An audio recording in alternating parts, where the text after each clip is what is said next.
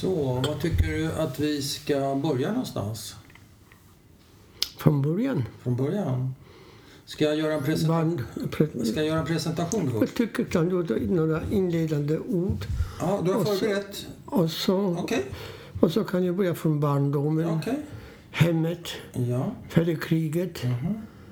Och sen går vi över till kriget, gettot, Mm. lägren Mm.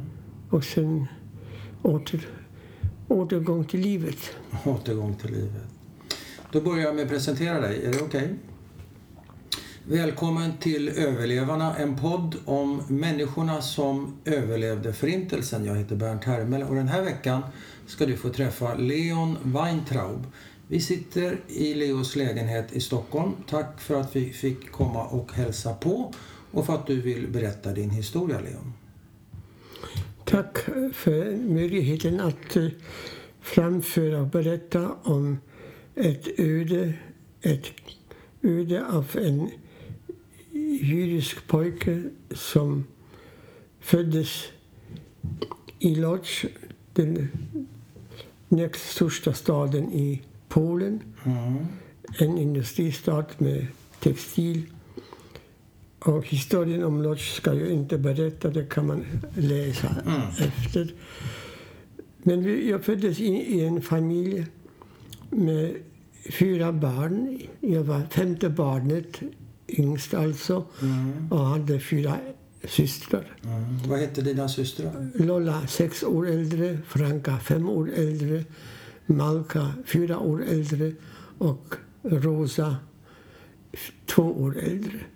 Och sen kom du. Född 20 1920 min äldsta syster och jag sex år senare, alltså 1926. Eh, betyder det att du var ett efterlängtat barn eftersom du var första pojken? Mycket.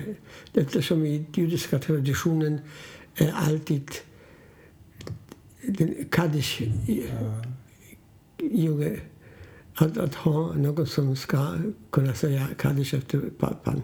Ja, när de har dött menar du? Ja, just, just det. Bönen över de döda. Och det gjorde bara pojkar i, i religiösa Efter traditionen. Ja, i religiösa. Just just. Men betyder det också att du var väldigt bortskämd? Det var just detta lite, eh, inte så enkelt eftersom å ena sidan var det mycket eh, angenämt att ha fem personer som tog hand om dig och bortskämt dig. Men å andra sidan, att ha fem mödrar var inte alltid så enkelt. Alla passade på att eh, just styra dig. Ja.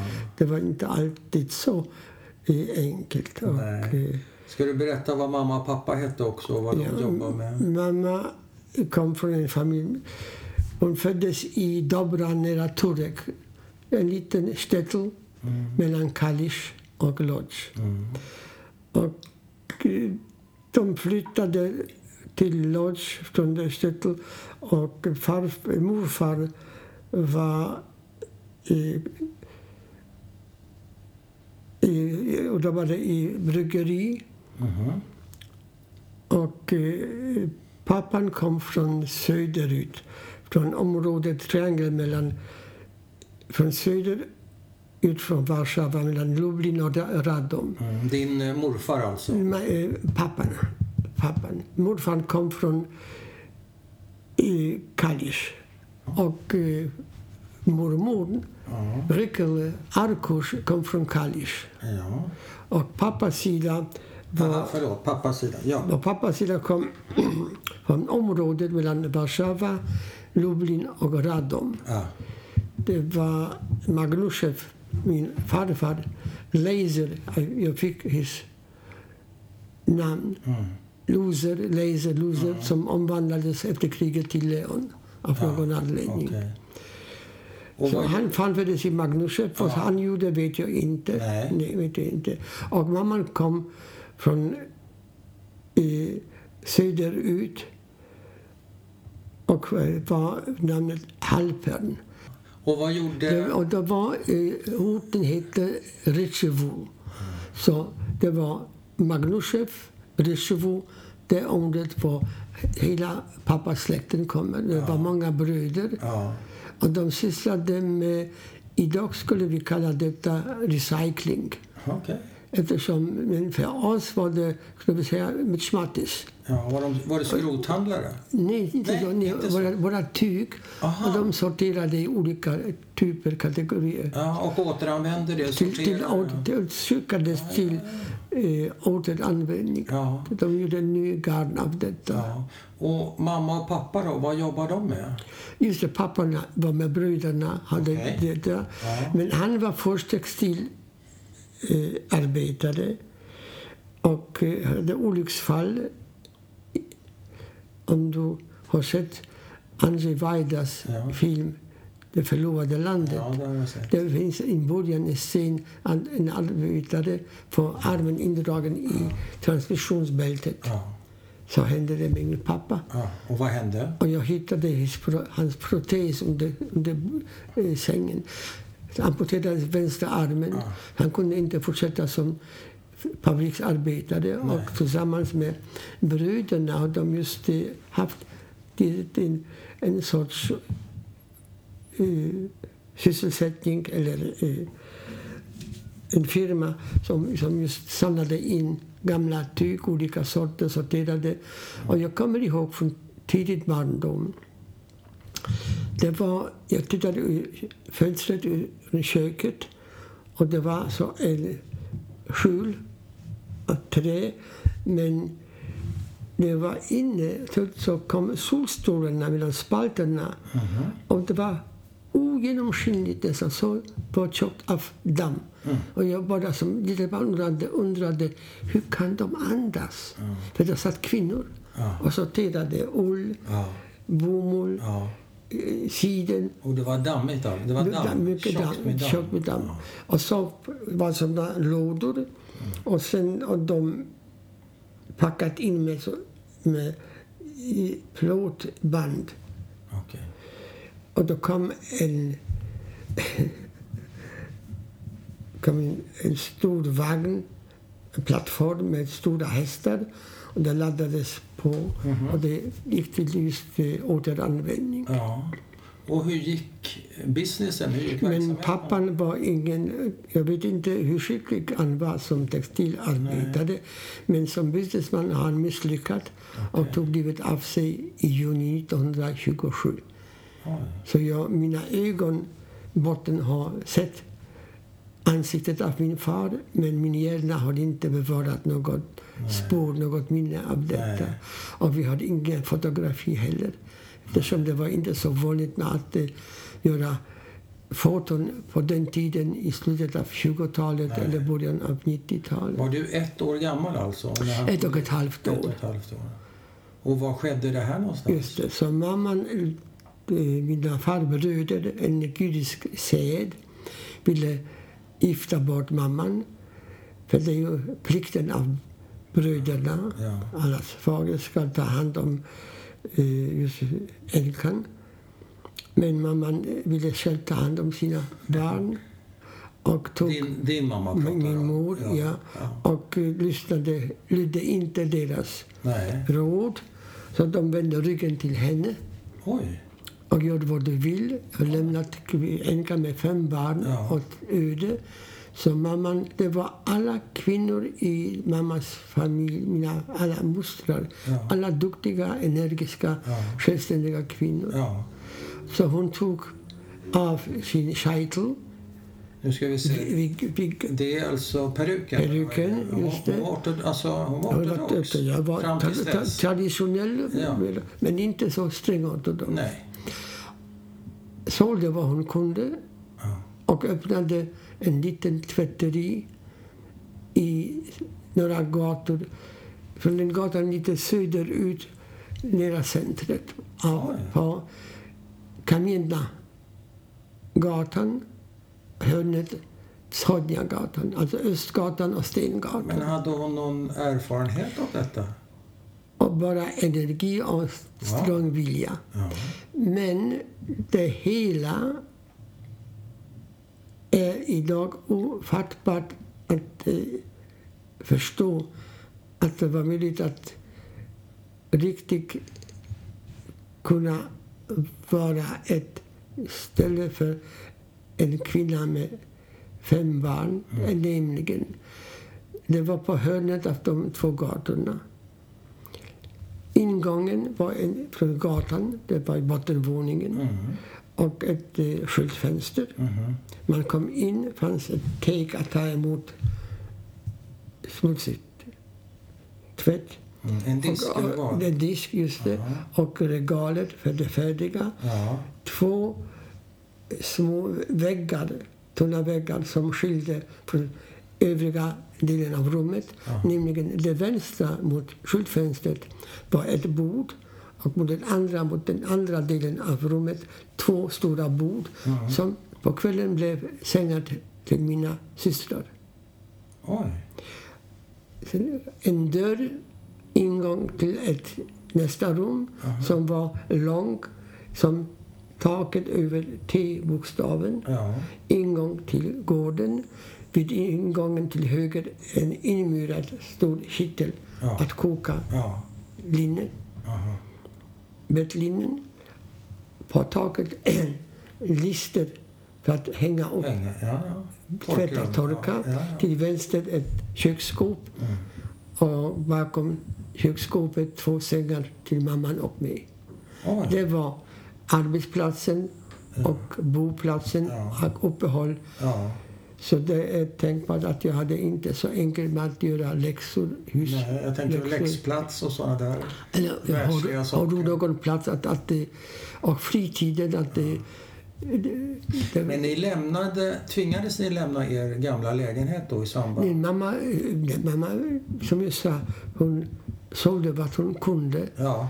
Och troligen var lägenheten... Jag vet inte om det var... eh, Troligen var det hyrlägenhet. ja, men det var för dyrt det var tre rum. Jag har minnen. Jag ser detta tidiga minnen, Ja. tidiga bilder. Ja. Det är från ingången. Man öppnade dörren. Var det så av plysch eller samt en stor förhang ingång till rummet. ja, ja, som draperi. Ja, Sånt där tungt.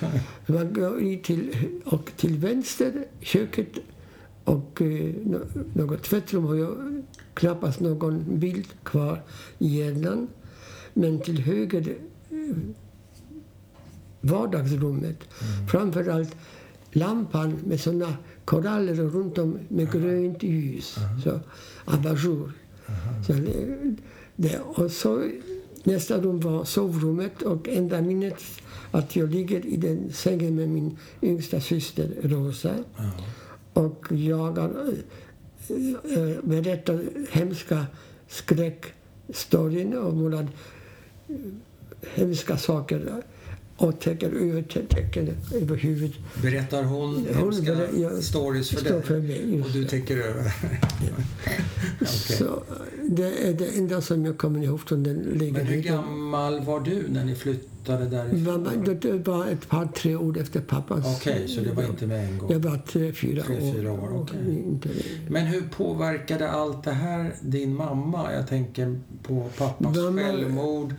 Eh, Att hon behövde förmodligen ett rätt så tungt och slitsamt arbete. En mycket glad, gladsynt, positiv människa. Okej. Jag kommer all, inte ihåg ett enda gång att hon skrek eller var arg. Nej. Mycket mild Ja. och mycket arbetsam. Hon Ja, såklart. Det där är ju tungt. Och jag ser en bild. För mm, mamma var, eh, såg bra ut. Var lite nätt, rundlig. Men, men med gladsynt. Ja. Med ett leende. Ja. Och fanns det Det fanns någon som ville... kavaljerer? Jag, även, jag ser en, var en eh, kellner från en restaurang. En, en eh, kypare? Köpare Ja. i, i svart eh, frack. Ja, just det. med, med, fru, med fluga, fluga, ja, som ja. jag brukade. Ja. Och att han stod eh, just på, eh, anden på täcket och pratade med mamman. Ja. Men längre än så gick det. Det fanns inget privatliv. Jag, idag undrar jag mina systrar som var sex år äldre, Aha. sex, fem och fyra år. Ja. När jag var 13 var de i alla fall 19, 18, och Och 17. bodde ni fortfarande i tvätteriet då? All- Allihopa? Allihopa till, till kriget. Oj. De hade inget privatliv. Nej. De, det går inte, gick inte att bjuda in någon. Nej, men man kanske gick och satte sig på en bakgård eller... Men jag menar, i, i, Nej, nej, i, i den bostaden Jo, själva fanns inte, även om de skulle vilja ha en pojkvän, Ja. men det var inte möjligt att eh, ta Nej. till detta sorts hem. Så vi var mycket fattiga. Och jag, tre Men eh, ma- mamma hade väl systrar? Hjälpte inte de men till? de var i samma eh, situation. De var i samma situation. De ena hade en eh, affär med konstblommor. Ja. För det var något i släkten från, eh, från mormor. Ja. För mamma kunde också göra skicka sådana blommor av siden, ja, konstblommor. Så hade den, och den andra var i Stetlo-devået. Ja. Och eh, eh, floden Varta, devået, som jag hälsade på. Mamma skickade mig de tre somrarna. Det var för mig en sensation att mamma satt mig på bussen. Och idag, genom blunda, ser jag också de dammiga fönstren. Lukten av bränd dieselolja. Ja. Och den speciella atmosfären att jag äh, åker iväg, för jag var mycket äventyrlig ja. Och vart åkte du då, sa du? Till devået. din moster? Till min moster Hodis. Det är dina sommarlov du pratar om? Ja, någon sommarlov. Och vad minns du från de här sommarloven? Hade, hon, hade du kusiner där till exempel? Det var tio barn. Tio barn? Och det var under Klostergatan 6, mittemot kloster Benediktin.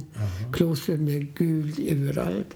Och det var ett litet, litet hus som man ser i gamla eh, Chagall Ja, målningar. Stätter alltså. Ein Ja. litet, litet hus. Ja. som man går in från gatan, en liten korridor och ingång till storstugan Ja. för föräldrarna. Ett bord i mitten, ett skåp, ett säng Ja. för föräldrarna. Och det var trägolv. Ja. Ingång till nästa utrymme var köket med lergolv, eh, lera, Okej, jordgolv. Ja. jordgolv. Och eh, utgång till lilla gården, stall med två hästar och stora råttor. Ett steg upp till loften. Ja. Och på ha- halmen, utan någon sänglinje som jag kommer ihåg, Ja. där, där sov vi. Du måste ha haft hur kul so- som helst. Klart.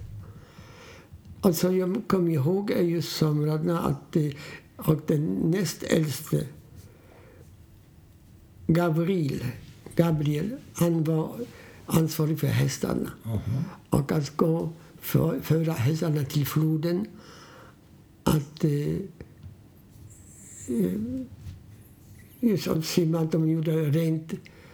Det har ett speciellt uttryck finns det för att eh, ta hand om hästar. Rykta, Rykta. jag man säger. Hästarna. Och då kommer jag ihåg ett hemsk, två hemska minnen. Ja. Ett när vi och gick tillbaka, vi på hästarna, Ja. fyra pojkar, utan sadel. Mm. Och eh, polska pojkar brukade skrämma upp hästarna så de föll i galopp. Och vi Oj. Ångest att vi ramlade ner, Ja, klamrade ner fast, men vi överlevde. Men var ni fyra stycken Ja. på en häst då? Ja, så- två, två på en häst. Två på en häst? Ja. Det var två hästar? Just. Två hästar. Och så skrämmer de så de, de hamnar i galopp och man Ja, har fullt på. bort dem. Och det andra var att de ville lära mig simma. Som tog mig till mitten av floden, av djupvatten, och sa sim. Och jag började drunkna. Så från den tiden har jag mycket respekt för vatten. Ja. Jag kan bara simma på ryggen, men jag har kontroll med andningen, Jaha. men inte på magen. Inte bröstsim. Inte Och bröst. vem var det som skulle lära dig simma? Eh, De kusinerna. Ja, kusiner. För de kunde redan. De kunde. Det var mycket... Var- Till det kommer jag ihåg och fredagar och lördagar. Ja. De var eh, ortodoxa, men inte så... eh, Dock riktigt ortodoxa. Ja. För fredag mikve, så det rituella badet först. Ja. Nya kläder. Men Och var så- det bara kvinnorna där som badade mikve eller? Nej, nej. Den Pojkar? farbrorn Ja. tog oss pojkar till, först till mikve. Ja. Men var det en särskild. Och så Tre du gånger. Tre gånger. Men var det en särskild bassäng? Eller var, Ja, ja, det var en mikve. bredvid, synagogan. Vid synagogan? En liten synagoga bara. Det fanns en synagoga? Ja, det fanns en. Det var eh, över 50 procent var judar. Det fanns knappast polacker i staden. Nej. Bara på marknadsdagarna kom de bönderna från runt om. Och det var byteshandel mera än köp eller... Och hur var relationen då mellan judar och... Utom de, de gångerna som de skrämde hästarna Ja. hade vi ingen kontakt med polacker. Nej. Ingen, och märkte ingenting. Men gjorde det fanns de ingen... det riktat mot er som judar eller var det bara bus? Det helst? Det, det, det kanske var bara bus, men kanske var mot det. Eftersom eh, li- livs, livsförhållanden var så som jag berättade, mycket begränsade. Och Alltså eh, livsvalen, ja. livsvillkoren. ja. Så eh, var det så att eh, jag, det var en sorts flykt i fantasin. Mm. Och det började med fem år då jag flytt, det flyttande kunde läsa. Oj. Lärde mig först från skyltarna, sätta ihop. För jag visste att det var frisör. Att det var det, eller, eller skomakare. Men det var också skylt, skomakeri. Så kunde jag säga, aha, detta ord ser så ut. Det låter så och ser så ut. Så kunde jag läste massvis med böcker. Med, med fem år? Ja, med fem år och började flyttande läsa. Okej. Och framförallt äventyr, resor och indianer och, och eh, cowboys och, och polis och, och tjuvar, banditer. Och jag, så blev jag, på, eftersom att vara hemma efter skolan eh, var meningslöst, det fanns ingen plats att, att eh, ta sig till, så var livet utom, utom på, på vintern var just eh, utanför på gården med andra pojkar leka. Eftersom var jag just visste så mycket redan om olika lekar så var jag någon anförare för gänget mot gänget från andra kvarteret. Okej. Och vad eh, lekplats var på taken. Eftersom kvarteret, fyra gator runt om, var husen knappast högre än tre våningar. Det var ingen stor skillnad. Så man kunde runt om vistas på taken och olika lekar ordna på, på det sättet.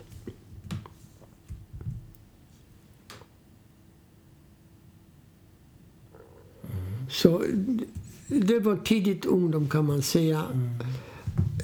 Det tillägg till eh, uppfostran. Eh, Min religiösa uppfo- uppfostran var praktiskt noll. Eftersom den första, innan vi flyttade till den nya lägenheten, hade mamma skickat mig till Heder. Ja, den för- judiska pojks, Ja, pojkskola. ja. Och det var mittemot på, vi bodde Solna, olika Solna, Saltgatan 12 och det var mittemot nummer 5 var en liten. Jaha. Och ser det ut?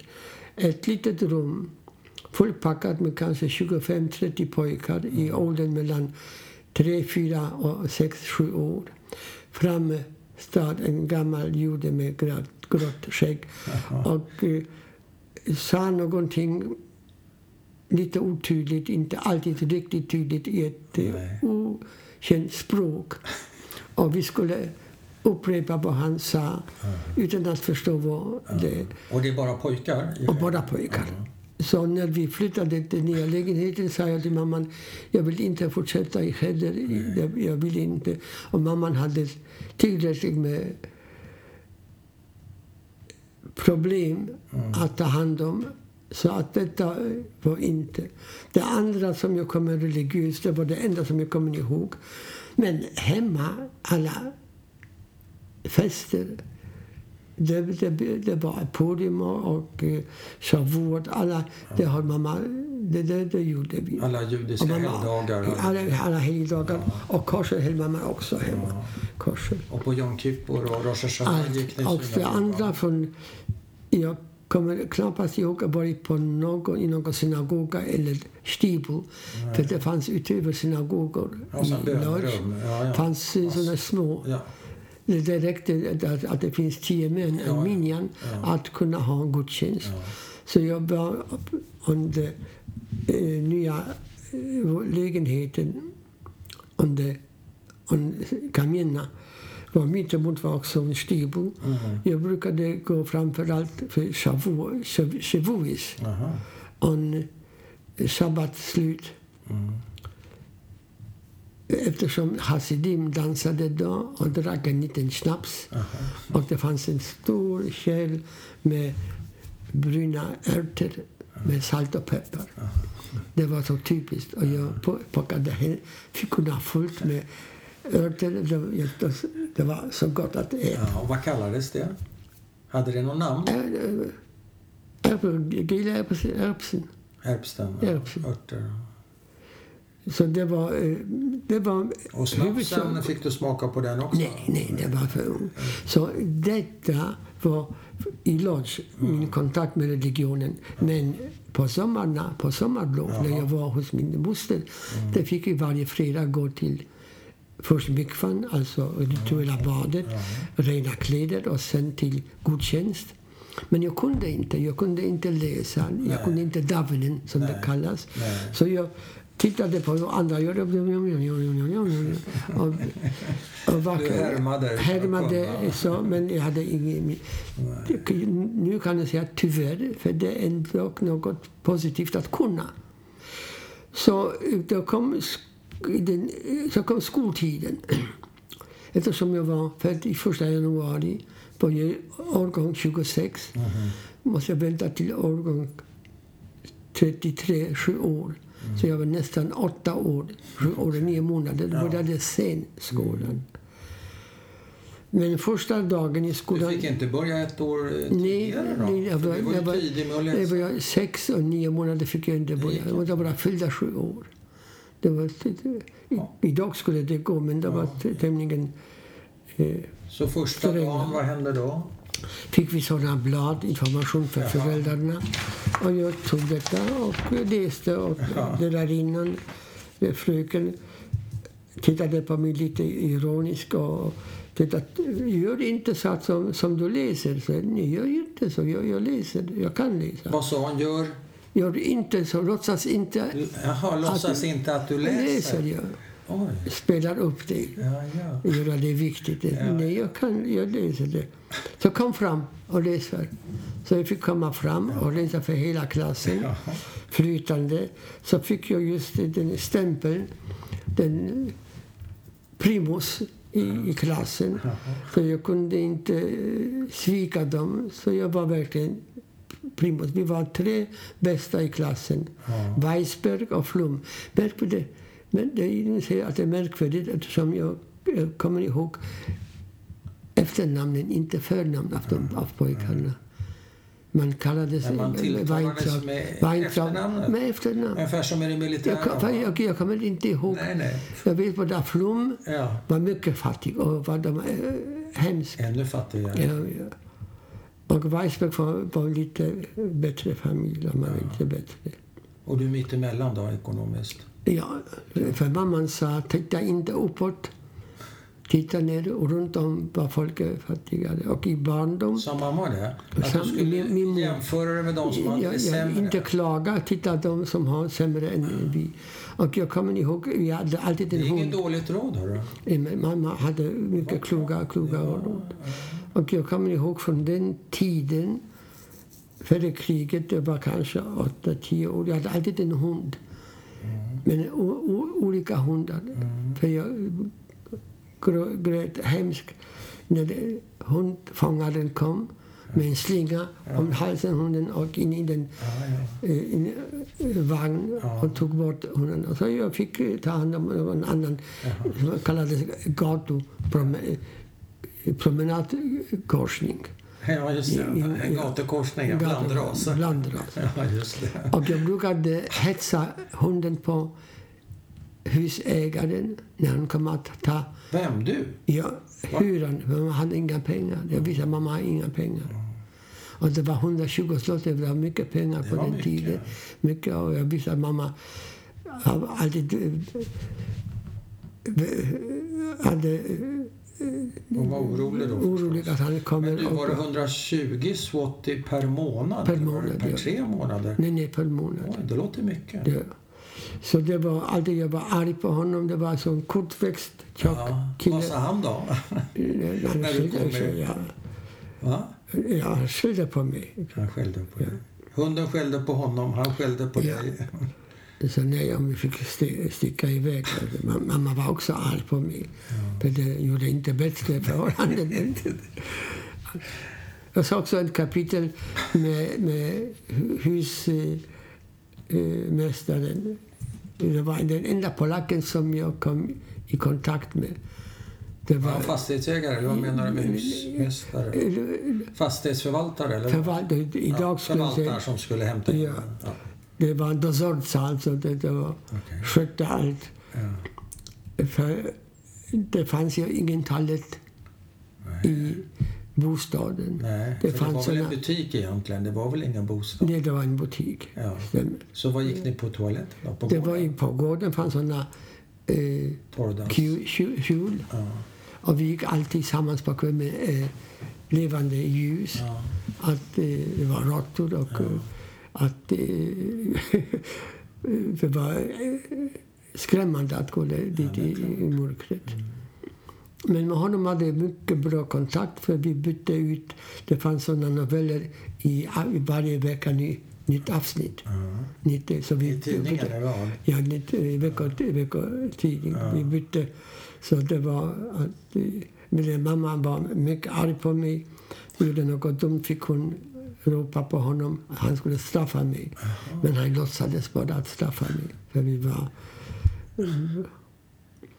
Så skolan var en mycket positiv tid för mig. Jag tyckte om att gå till skolan. Ja. Utom på vintertiden, jag hade inga skor. Måste stanna hemma för sk- skor gick sönder. Och måste vänta tills de lagades och så måste stanna hemma. Ja. Men i stora drag, jag var... För det var... Jag gick... eh, Skolan var mittemot eh, centralstationen Ja. i Lodz. Lodz Fabryczna. Och det var i gården på första våningen, vår klass. Men jag har inget minne från andra klasser och Nej. andra... Bara, Men om du var en duktig elev, betyder det att du var en slags hjälplärare rent utav? Eller vad var nej, din roll? nej, nej, inte... Det bara en enda undantag när jag var, som jag undervisade någon annan. Det var när jag hade missat att göra hemläxor, eh, skriva uppsats. Och just lärarinnan ropade mig upp att jag ska det. Och jag satt i min bänk och läste från tomma bladet i historien. Och så sa läraren till min förskräckelse för det låter bra. Varsågod, kom. Läx, precis, kom. Vi ska eh, tillfoga till klasskroniker Ja, din uppsats. Ja. Och det var tomt, tomt blad. Så till straff fick jag komma hem till henne och hjälpa hennes dotter. Jaha. Det var straffet. Ja, ja. Så, då, så gick åren med lek på gården. Eh, mamman, Saknar du din pappa? Vad man aldrig haft kan man inte missa. Nej. Men du var ju, kände du dig annorlunda jämfört med de andra Nej, för jag, det, det, det bara var så. Det var givet som, Ja, som det är. okej. Och jag visste andra har pappor, men jag visste från tidig- tidigaste barndom att jag inte hade någon. Nej, okej. Så var man inte och så längtade man inte efter. Man visste inte. Jag hade också redan tidigt ett hobby. Okej. Jag var en fanatisk kinobesökare. Jaha, bio. Ja, på bio. Ja. Men jag hade inga pengar att gå Nej. och köpa biljett. Så, hur löste Jag hittade på sättet att det var det fanns två sorters bion på den tiden. Mm. Det fanns som kallades, som, det finns sådana hissar som går runt. Långsam, öppna, öppna Paternoster. paternoster. Ja. Så filmen gick runt Jaha. utan paus. Okej. Så när jag fick är komma in liksom. Ja, ja. så sa- satt jag där tre, fyra omgångar. Och mamman hemma, vad, vad, fin- vad är ju den ungen? Andra var normal. Man, Ja. ljuset ja, ja. släcktes, Vanlig föreställning. Sen var det paus Men hur tog du in? Om du inte hade pengar? Ibland fick jag 20 groscher. 20 Av mamma? groscher av mamma. Men om jag inte hade, har jag märkt att eh, föräldrar, ett par vuxna, fick ta in ett barn utan betalning. Okej. Så har jag lärt mig att om jag ställde mig vid sidan av Jaha. ett moget par, ingen idé, de borde märka och sa stick iväg, vad vill du? Men ett ungt par som var förtjusta i sig, de märkte inte. Så jag kom in bredvid dem, men hindret var den kontrollanten. Eftersom efter några gånger tyckte han, stick iväg, du, du har för många föräldrar. Just det. Men varje gång med andra föräldrar. olika. Ja. Så gick jag till annan by och försökte på annan by. Men eh, gick mycket ofta. För jag kunde inte, det var på, framförallt på hösten och vintertiden. Ja. Det var inte, inte var möjligt att vara ute. Det var så en, en sorts tillflykt. Mm. Också en eh, flykt. Också Precis som flykt böckerna. och, och tillflykt, både och. Och då fick jag se den världen som den är i filmen. Ja. På, på eh, den i, inte reala, för Nej. det är ju en annan värld. ja. Man har inte såna eh, rum, såna eh, lägenheter som det nej. finns på filmen. Nej. Även på den tiden, på 30-talet. För det mycket läge. Och jag fick se också andra människor. Andra hudfärg. Och eh, annat utseende. Mm. Så det, det, jag, jag fick mycket ut av detta. må- Många... Var, är det någon särskild film som har stannat i ditt Ja, cowboyfilmen. cowboy? Cowboyfilm. Alltså. Eftersom svart och vitt. Ja. Rätt, orätt. Aha, det gillar du. Ja. Tom Mix eller vad var det Tom för Mix? Elmo Lincoln, Tom Mix. Men man såg andra miljöer. Det var detta som så, så i så stor kontrast till som, som vi levde. Ja, just det. Men hur påverkade det dig, tror du? Var det en... eh, Blev du inspirerad? Blev du deprimerad? Man kan ju reagera Nej, på olika sätt när nej. man ser allt det här fina. Jag tycker att det var positivt att jag vidgade min horisont. Ja, okej. Läsandet ja, och eh, filmer öppnade kanske, underlättade att det uppstod asso- associationer i hjärnan. Ja. kopplingar och eh, snabbare kanske att eh, se någonting, bedöma och dra slutsatser. Det kom kanske, jag förklarar med det, att jag lyckades undkomma Auschwitz, som jag kommer strax till det senare.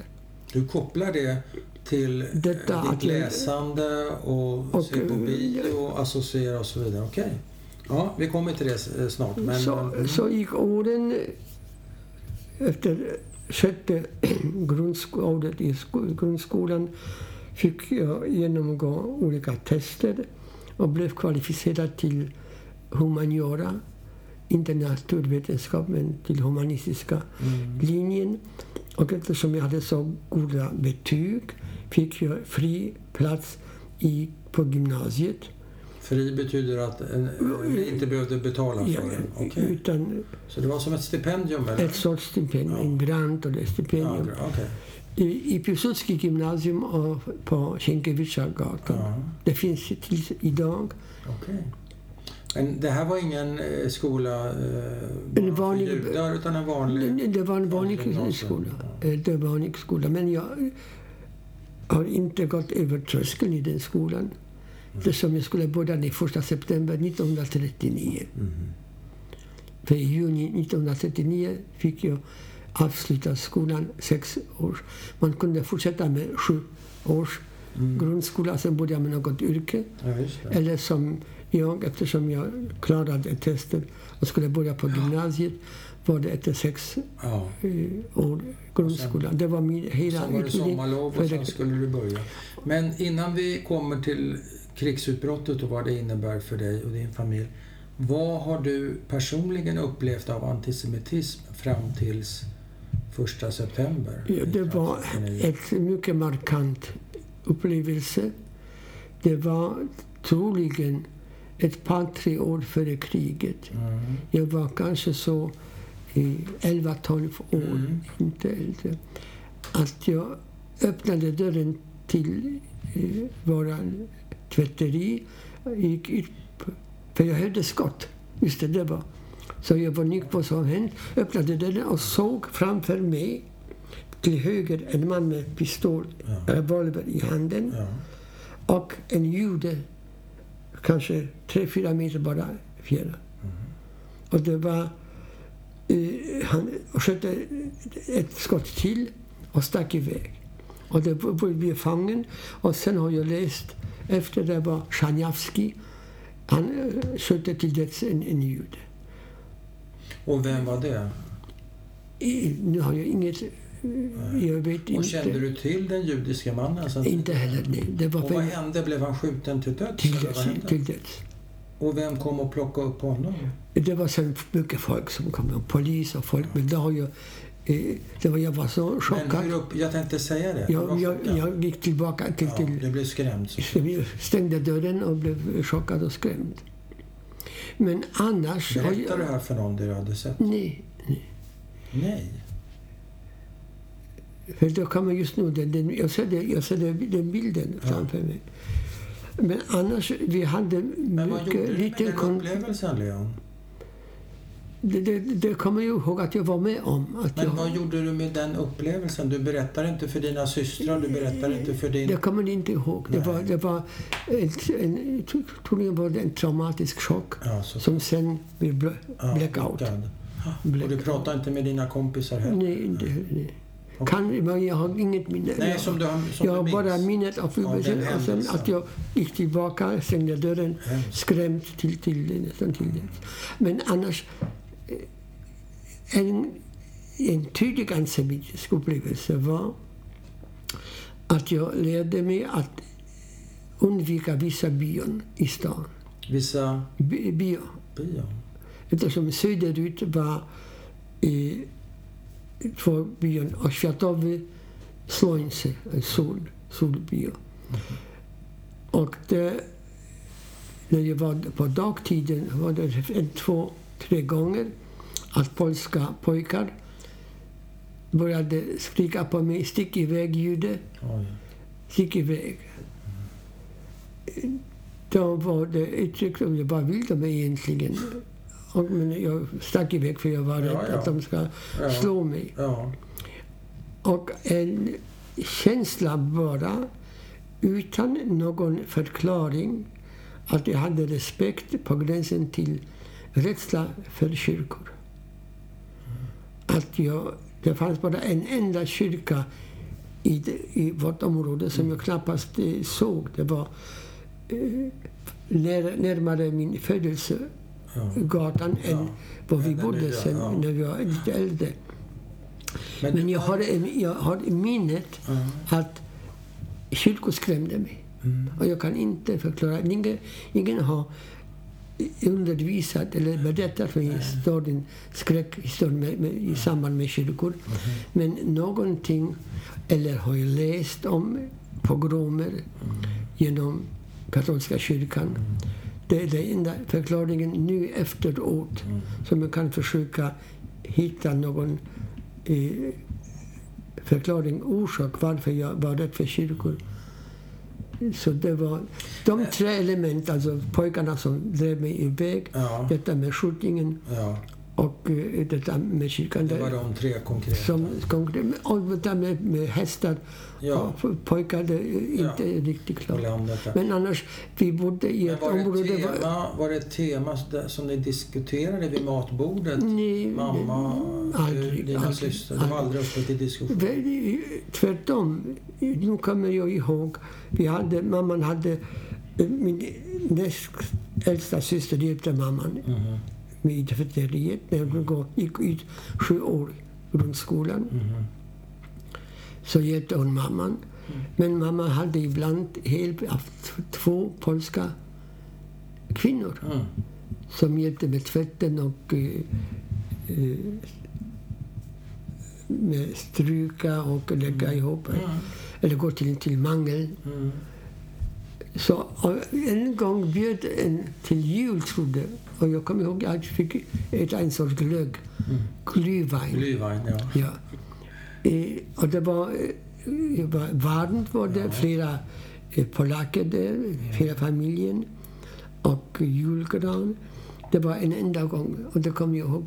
Men det var två kvinnor som jobbade med mamman och det var mycket vänliga. Men Vi hade inte några direkta, eftersom i vårt område fanns knappast polacker. Nej. Husmästaren, som den, den Ja, just det. hausvart, Ja, det var en polack Ja. och hans fru. ja. inga barn där. Och sen eh, just de två kvinnor. Annars hade vi ingen kontakt med polacker. okej. Och i skolan, grundskolan, fanns bara judiska pojkar. Inga, inga flickor, var bara pojkklasser. Okej. Så, Så det var fram till kriget. Du gör dig redo för att börja gymnasiet på ditt stipendium. Jag var, jag var glad att jag Ja. började. Jag var vitt, Ja, men det var ju din plan. Till hösten ska jag börja gymnasiet. inga planer, inga tankar, inga... Nej. Nej, bara att jag Utan- var glad och stolt Ja, att jag ska börja gymnasiet. ja. och eh, fortsätta för jag ville bilda mig. Jag ville, Som en sort, när man simmar och dyker eller dunnar och kommer upp och andas ut att komma, komma ur. För det var mycket, mycket fattigt och begränsat Ja. liv. Att ha Du en ville komma- chans. Du ville komma upp och andas frisk luft. Ja, Ja. som att... Så vad hände då? Så de första eh, dagarna fick jag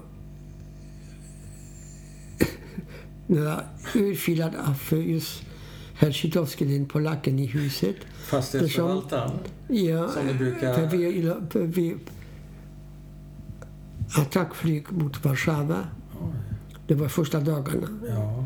Alltså tyskt Ja, ja, ja, attackflyg. ja. Kriget bröt ut första ja, september. det var tyskarna. så var första, andra, tredje september var kriget fjärran från oss. Ja. För det, det är ju några hundra kilometer från gränsen till Ja, Lodz. ja. Men flygen som bombade Warszawa gick över ovan våra huvuden. Ja. Och vi lekte på taken och, och släppte eh, drakar.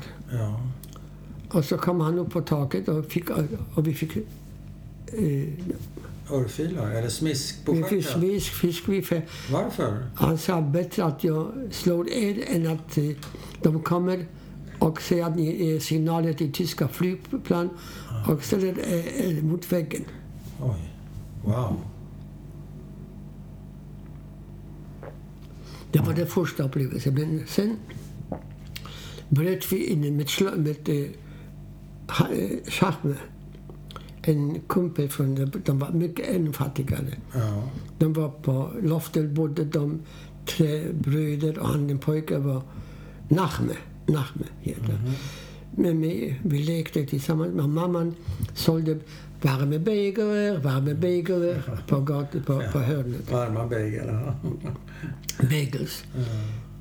Så vi bröt in till slaktarens i källaren med han hade gäss och an, en, ankor. Ja, gäss och ankor. Ja, Och vi Levande? levande I källaren? i källaren. Vi bröt Och ni bröt er in där? in, Hur? tog två gäss. Ja, men hur bröt ni er in? Vi tog något järnstång och, och bröt ut. Innan vi lyckades ta två gäss till marknaden. Vi ville sälja, köpa gevär och gå i krig, försvara Oj. födelselandet. Ja.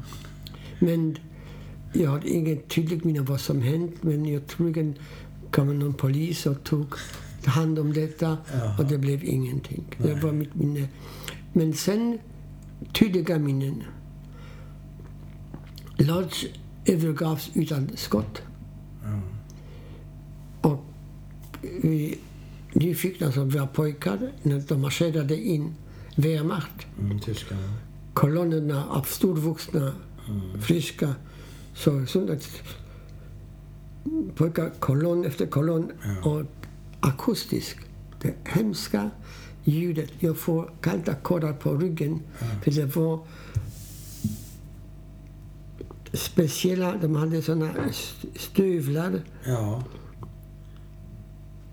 Med klackjärn eller något sånt. Var det någonting som lät? Eh, Hade de Det- satt någonting det på lät- stövlarna? Det oljudet av stövlar med nitade sulor. Med nitade Ni- sulor? ni- Ja, ja. på kullerstenarna. Ja. Det ljudet för det, det trampade, det var så genomträngande. ja. Och intrycket var att de var så mäktiga. Att det finns inget som kan motstå deras när de drar fram. Aha. Ingenting som står i vägen kan eh, stå kvar. De förhindrade allting. Så stod det.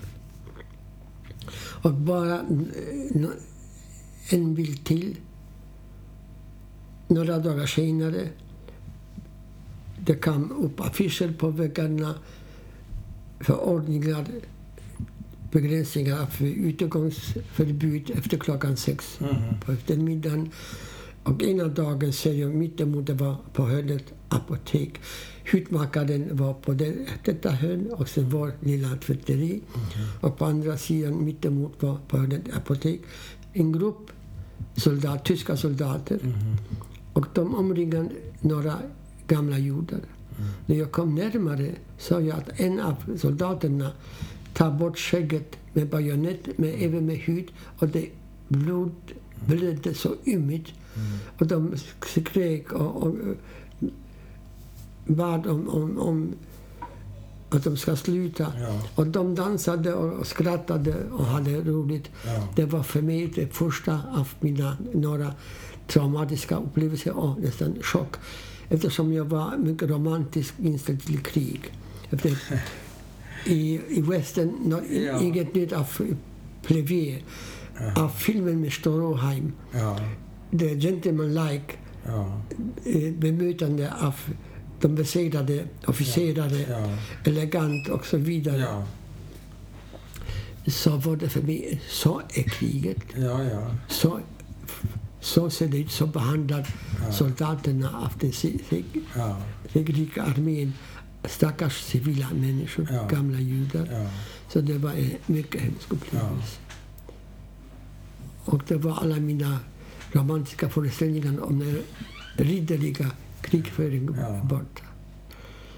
Så inom kort blev det bekant att de inrättar ett getto för alla judiska invånare i staden. Och som var som bekant i staden hade tre huvudgrupper. Det var polacker, cirka 50 procent, cirka 20 procent tyskar och över 30 procent var det judiska befolkningen och lite några procent ryssar. Eftersom Lodz var eh, rysk för, fram till första världskriget ja, det. efter den sista delningen av Polen mellan Ryssland, Preussen och kejsar Franz Josef, Mm. Österrike. Så kom be, wurde bekant, alltså affischer och förordningar, att det ska... Så vi, skulle, vi var tvungna att flytta, Mhm. för eh, getto inrättades i den nordöstra delen av Lodz. Mm. Och det var den, den fattiga delen kallade Baluti. Mhm. Baluti i det uttalet. Så vi samlade ihop våra grejer. Inte mycket hade vi. Och fick tilldelning av en lägenhet. Först av Bjezjinska var det första lägenheten. Och 39 ett rum. Och då var vi eh, åtta. Mhm. Eftersom 1938 kom till Lodz flyttade mammans äldre syster, tio år, år äldre, Eva, Chava Widawska. Eh, Maken Michał Widawski, de hade i staden Konin, också ett shtetl men lite större, eh, en affär med hushållsvaror. Men efter det 51 eh, attack av eh, fascister, nationalpolacker som slog in rutorna. Ja. Har de tröttnat och de sålt Ja. och kom till Lodge, öppnat en liten affär just bara runt om hörnet var vi bodde i Lodge. Mm. På Narutowicza-gatan. Narutowicz var första polska presidenten efter, och, eh, efter eh, första världskriget Mhm. av judisk påbrå. Gavri, Gabriel Narutowicz. Både, eh, det var attentat och eh, han mördades i början av 20-talet. Så vi flyttade tillsammans, var vi åtta personer i ett rum. Sen flyttade vi till ett annat rum. Varför, var vi levde Men ifrån, åtta- ingen aning. Vilka åtta är ni då, sa Vi du? var sex. Mamman och och fem barn. Och fem barn. ja, Fyra systrar och jag. Och sen moster och hennes man. Och hennes man. åtta. Åtta personer. Sen tillkom kusin Leon Leibel från Devoet. Från stället var jag hade mina sommarlov. Han var i armén och blev eh, sårad den 21 september, tror jag. Någon gång i september under Skernjevitsen, staden var en kamp. Eh, Fördes till Röda Kors sjukhuset i Warszawa. Amputerades vänstra underarmen. Och eh, först, först i två, 42, 1942 när de rensade alla små getton i småstäder runt om Lodz kom han till oss. De märkte inte att han har inte vänstra underarmen och eh, var storvuxen som soldat och, och, fick, och fick bo med oss tillsammans. Så jag har inget tydligt minne vad vi gjorde. Jag, endast att det var första månaderna fanns en liten skola. Men jag kommer inte ihåg att jag gick till någon skola. Nej. Men andra har berättat att det fanns fram till sommaren 1940. Jaha. Eftersom jag skulle gå till gymnasiet Ja. och det gick... eh, Var, Men har du något minne av vad du gjorde? just det, jag hade eh, ingen minne vad gjorde de månaderna tills de... Det var, gick mycket fort. Det omvandlades en korta drag gettot till ett stor arbetsplats. Mm. Det wurde, gettot wurde hermetiskt avspärrat. Mhm. i februari, mars, april var slut. Ingen kontakt med yttre världen. Mhm. Riktigt äh, avstängt. Så jag vet bara, jag var en unge med 13 år. Vad jag gjorde har jag ingen aning av mina systrar. Vad var, vad vi levde ifrån. Men jobbar inte de? Det, inte på den första inte månaderna. Men sen? När, sen när det, jag vet bara att, kom ihåg, att när de inrättade fabriker i Lodz, de omvandlade staden till en stor arbetsplats och jag fick första tilldelning i Metall 1. Resort. De sa inte fabrik, Nej. det kallades resort. Det var stråresort, halmresort, det var skoresort, det var skrädderi, schneiderresort och metallsort 1 och 2. Jag var Och vad metall... skulle du göra där? Just det, det var en metallfabrik, alltså kallades metallurgi, med olika avdelningar. Och jag fick först tilldelning i galvanisation. Okej. Galvanisera det betyder att täcka metall med olika ytor. ytorna. Och jag hade uppgiften att lackera med lackringar som skulle kännas som fäste på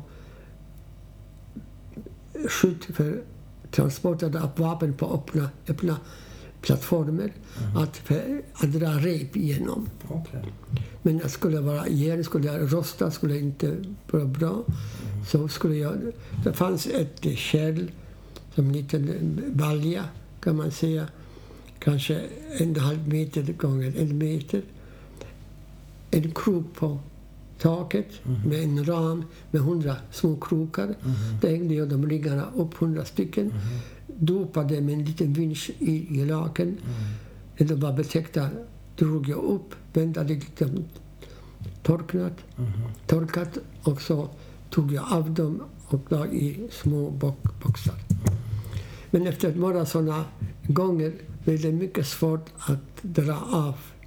För lacken täckte också krokar.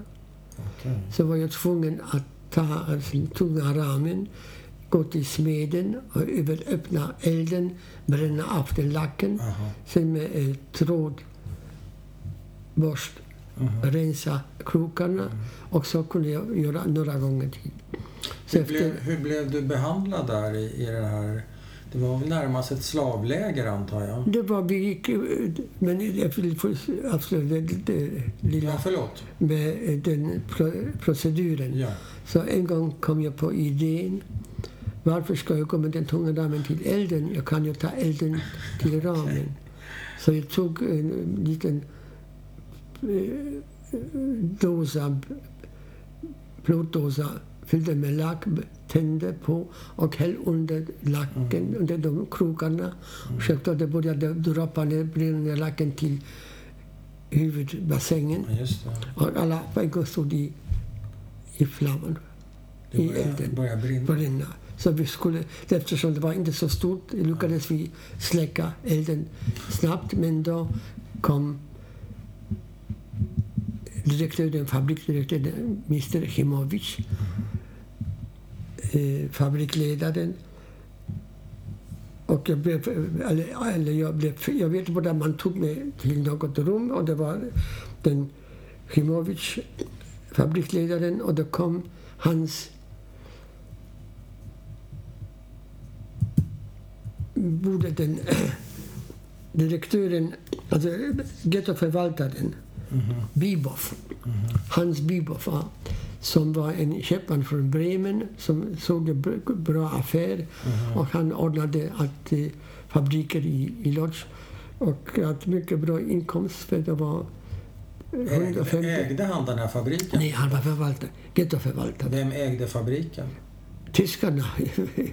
Ja, men ibland ägdes den ju av privat. Nej, det var Privatägt. Nej, det här var statligt. gettot, allt, Det var statligt. Wehrmacht besatt, tog Okej. i, i Lodz. Så vad säger Och nazi, nazi Ja, förvaltaren. ja. Det var en eh, bokförare, en eh, som förde kontor och allt, alla ja. eh, betalade pengar. Vi fick fem mark per dag ja. och han avförde alla pengar till Berlin Aha.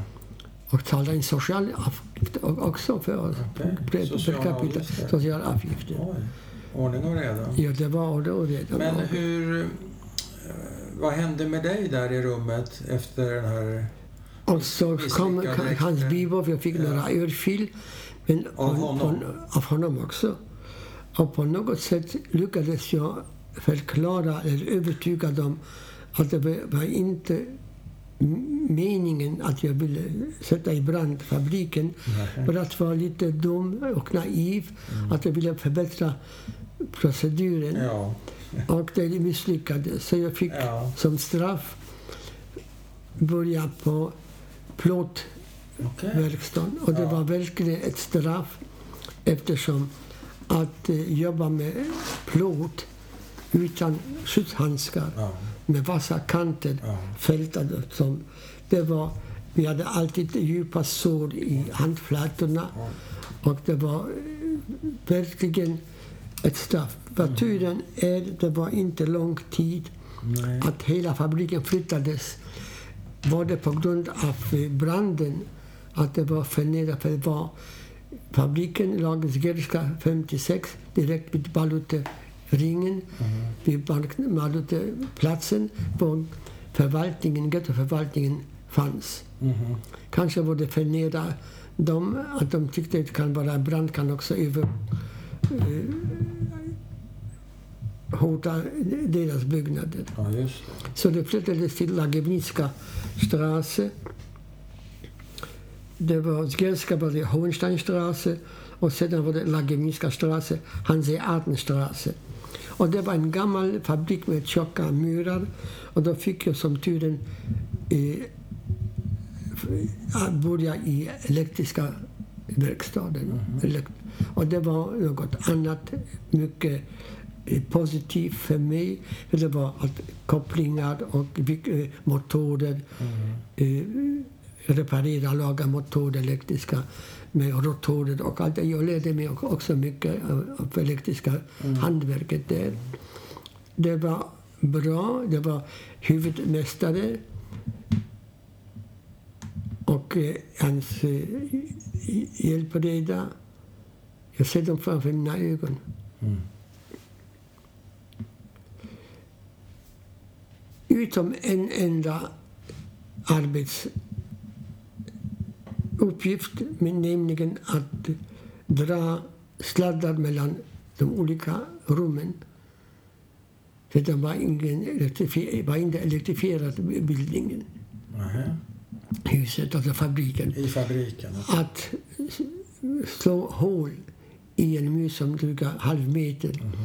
Och för elektriska borrmaskiner fanns inte Nej. påtänkt på den tiden. Nej. Och även inte handborrmaskiner. Det fanns ett så kallat slaggrör. Mm.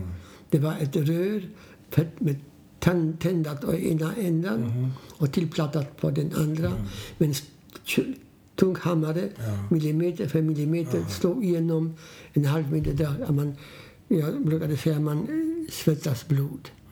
Det var mycket svårt arbete. Hur var dagen i fabriken? Alltså på morgonen, först vardagen. Tack vare min äldsta systers disciplin kunde vi ha varenda dag någonting. Nämligen vi fick tilldelat ransoner av li- livsmedel. Ja. Det fanns ett blad med kuponger. Och det var mestadels eh, bara på pappret. Man, I fördelningsställen och det kunde man knappast få detta som fanns på det. Men vi fick en limpa bröd per vecka per person, cirka två kilo. Vi var ju åtta personer för farbrorn dog 42. Så var vi, i början var vi nio, sen var vi, hon delade en limpa i åtta delar. Det var normalt, man var sjuk och, och dog. Om det var tuberkulos eller något annat, är svårt att säga. Inget dramatiskt? Nej, inga, inga minnen av detta. Så varje, vi fick en åttondel, en kvarts, 250 gram. Det var inte mycket, men det var varenda dag. Så fick vi tilldelning av eh, det värsta som jag kommer ihåg. Jag mår illa när jag bara tänker på det. är såna gula rotfrukter Mm. som luktade lite annorlunda som för boskapen idag som man använder. Kålrubben, eller stekruben, Kål, kålrötter? kålrötter. Eller stekruben på tyska, stekruben. Mm. Är. Och det var varenda dag nästan, det var det enda. För potatis var det på sommaren ibland, men hösten och vintern var halvfrusna. För de lagrades ute. Mhm. Så det var, och mamman försökte göra någonting när vi kom från jobbet. Något varmt eh, mål. På jobbet fick vi sen en soppa. Och det var allt vad vi fick eh, av maten. Det var allt för er, ersatz konstgjort. Ja. Det var, honung var konstgjort. ja. Kaffe? Eh, Kaffe var konstgjort från cikory. Eh, all, allt, allt var bara... Men hur klarade sig din mamma under de här... Det vet jag, kan jag inte berätta. För jag kommer inte ihåg att hon jobbade på någon eh, fabrik. Men hon var ju inte gammal. Hon var ju då under 50. Ja. Hon var ju född 19, eh, 1900, eh, 1894. Men var hon hemma på dagarna? Hon var inte hemma på dagen. Så hon kunde inte alla, få alla mina systrar jobbade. Ja. Men varför jobbar inte din mamma? Kanske hon jobbade, men jag har inget minne av det. Jag vet hur mina systrar jobbade. De två äldsta i skrädderifabriker. Den tredje, Malka, var i bibliotek. Det fanns sånt. Och den yngsta var i strå, fabriken. De som De- gjorde sådana halmskor Han som eh, sköt för, för, för till vintern, ryska fronten. va? för ryska fronten. Men hur gick det för dina systrar? Hur klarade de sig? I gettot, Ja. som jag vi jobbade vi, vi, vi var förnöjsamma. Vi hade oturen att ingen i vår närmaste familj inte hade någon eh, gott arbete som gav något extra. Nej. Eh, men Jobbade man i, i bag- bageriet Ja. eller slakteriet eller i köket, fördelning, det fanns alltid en chans att man kan få något extra. Hade man funktion vid hovet av Rumkowski-hovet, Alltså, kejsaren Rumkowski, den ju- judiska ledaren ja, den Rumkowski. äld, äldste, Kallades han för kejsaren? vi kallade honom för kejsaren. Det, var, det låter inte positivt. Nej, eftersom det, han omgick sig med en hov av belackare och de fått eh, extra tilldelningar och hade ett eh, ganska bra liv. Även om de visste kanske mera än vi som vi hade ingen aning vad som hände utanför. Nej. Vad som, vilket en slut som väntar alla. Aha. Så tyckte de så länge vi lever så lever vi. Och tyckte inte att det slutet ska vara som... De, för det fanns folk som visste. Jag, jag misstänker att det var eh, arbetsledare i verkstaden, att han byggde en radio. Ja. Att han visste. Alla, annars måste vi lämna ut... Vi hade aldrig något radio hemma. Nej, nej. Man för fattiga. För så. Ja. Men ingen tidning heller. Nej. Så alla måste lämnas in. Men det fanns rykten. Ja. Så vi hade den oturen att ingen av i vår närmaste omgivning, släktskap eller bekantskap, hade någon funktion med något, något extra. Vi levde verkligen av detta minimum som var tilldelat. Men svalt ni? Hemskt. Hemskt. Vakna hungrig, Mm. gå till sängs med borrande i maggropen, borrade nästan smärtsamt. Fyra år, åtta månader och tre veckor utom en enda gång aldrig varit mätt. Så detta med hunger som gjorde att man knappast kunde tänka. Nej. Att man kan, jag var så ung, jag var ju 13 och blev i gettot 14 år. Tungt arbete och den maten som var kanske 1500 kalorier om dagen. Så försvagad och hungrig. Så jag var inte aktiv på något sätt. Bara var jag enda som jag kunde att eh, döva hunger, eh, läsa böcker. Okej. Som systern som jobbade på bibliotek Ja. kunde hämta hem och vi, flera gånger samma bok runt om ja. ibland. Och det kunde hjälpa eh, tillfälligt? Vi satte just, eh, så att säga, dämpa. Ja. Men när du säger 13 år, betyder det att du blev bar mitzva i Jag, jag, gettot? nej, jag hade 13 år blev jag i januari 1939. Ja, Januari, du, jag har ingen... då var du i gettot va? Nej, Gettobrud först. Nej, januari 39, förlåt. Men blev du bar mitzva då? Nej, jag har inget minne att jag blivit Nej, polis. okej. Jag tror inte att mamma att Orkade jag orkade med det. Nej. För jag, hade ingen... Det fanns det ingen man hemma Nej, som kunde... som tar hand om religiösa nej, nej. uppfostran. Okej, det var. Så var, så var det inte så mycket med Ja. det. Och mamman hade inte såna levnadsvillkor att, Nej. att, att ta hand även om, om den biten. Nej, jag förstår. Att hon kunde knappast hålla sig Ja, ovan vattnet. nej precis. Okej, det var ett stickspår. Uh, Så från gettot är det mycket tydligt i minnet så kallade stora spärran. stora... Spärra. Spärr är som man har vid eh, stationen. Ja, Man går över ja.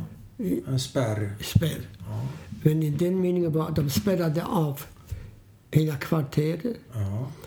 För de kom att de vill inte ha folk i gettot som är oproduktiva. Nej. och eh, bortkasta mat till folk som inte gör rätt för sig. Så att de omringade ett kvarter judiska polisen, vi hade sån i gettot, tyska polisen och polska polisen också. Och tog, gick från lägenhet till lägenhet och tog alla gamla över 60, sjuka och barn under 10 år. Även nästan nyfödda små barn rev från, från armarna från eh, mammor hänsynslöst. Och inom några dagar blev gettot en tredjedel mindre. Så gettot var ju bestod av två delar. Den större delen, den östra delen och den eh, smärre, eh, mindre västra delen. Och i mittdel, den gatan som delade var den huvudgatan nord-sydgatan med, med eh, spårvagn.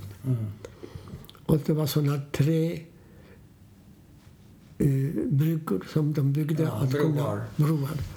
Som de byggde att kunna den ariska eh, gatan. kommu- kommunicera. Så de tömde det lilla gettot.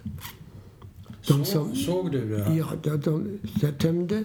Och de som blev kvar, inte borttagna i den spärren, under den spärren flyttades till det större. Så det blev bara det, den stora delen av gettot.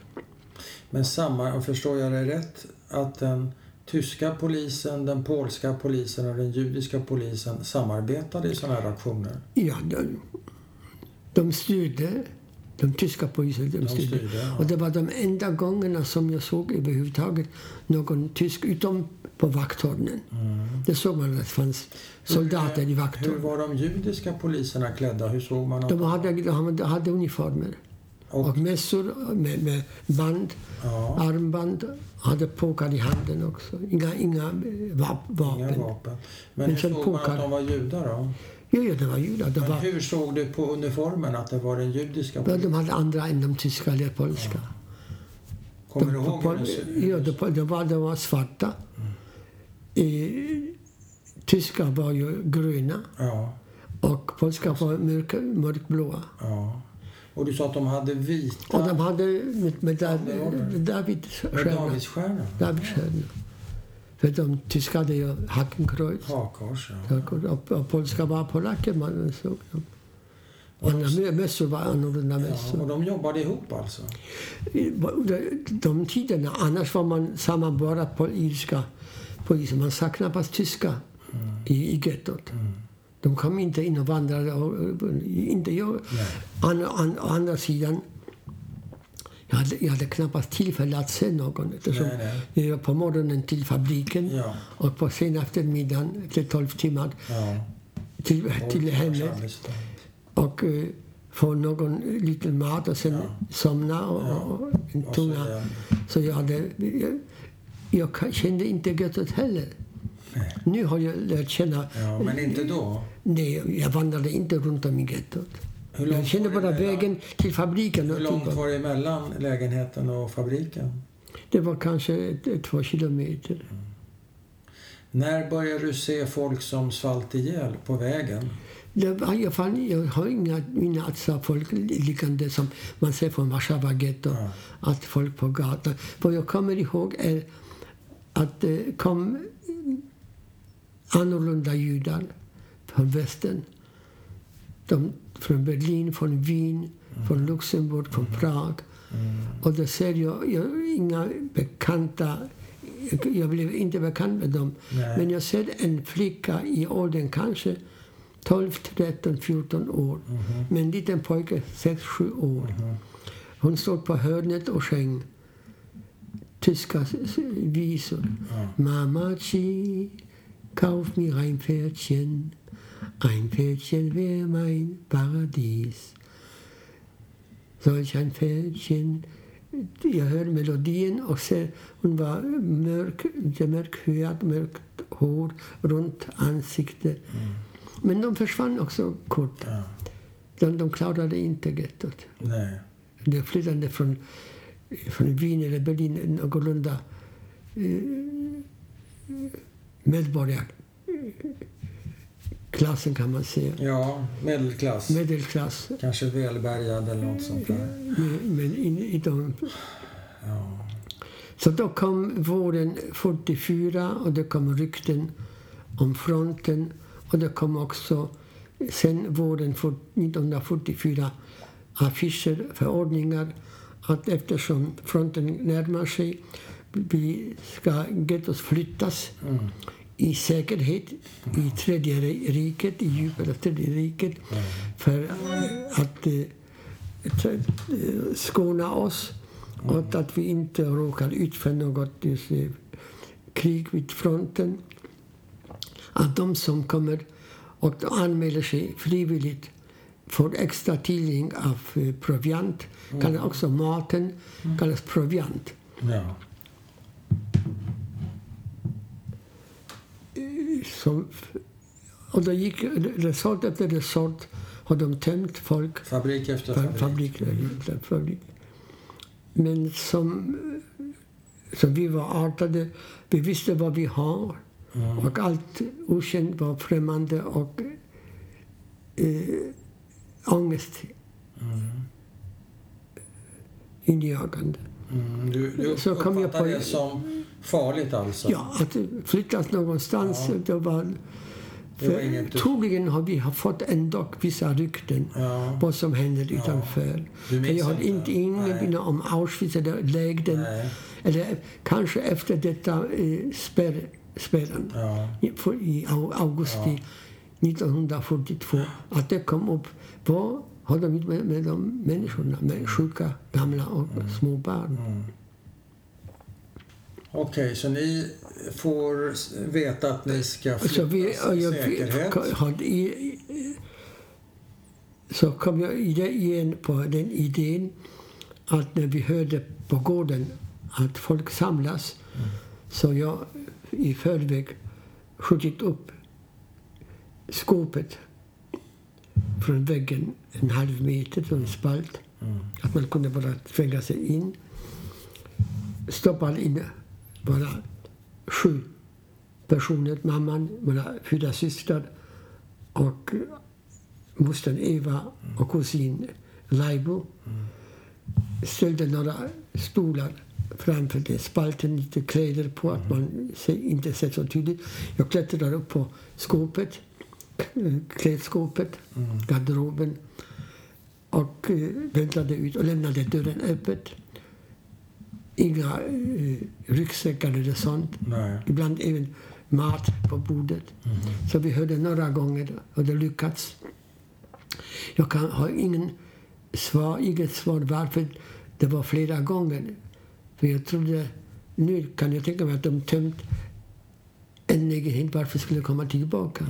Men det var mera, flera gånger, det var mera än en gång. Mm. De kom in i lägenheten flera Att, gånger? att vi hörde rösten, ja, de, de var redan Ja. blivit tagna. Ja. Men varför de kom tillbaka någon Nej. gång vet jag inte. Jag har inget svar. Men det hände eftersom den sista gången det var en ryggsäck bred- bredvid dörren. Ja. Så hörde vi en röst. Hittar vi någon så skjuter vi ihjäl. Och mamma som kunde flytande ryska och tyska klarade inte och ropade. Bara inte skjuta. Nu är skisen. Oj. Och så kom vi ut. Jag först, mamman, tre av mina fyra systrar Ja.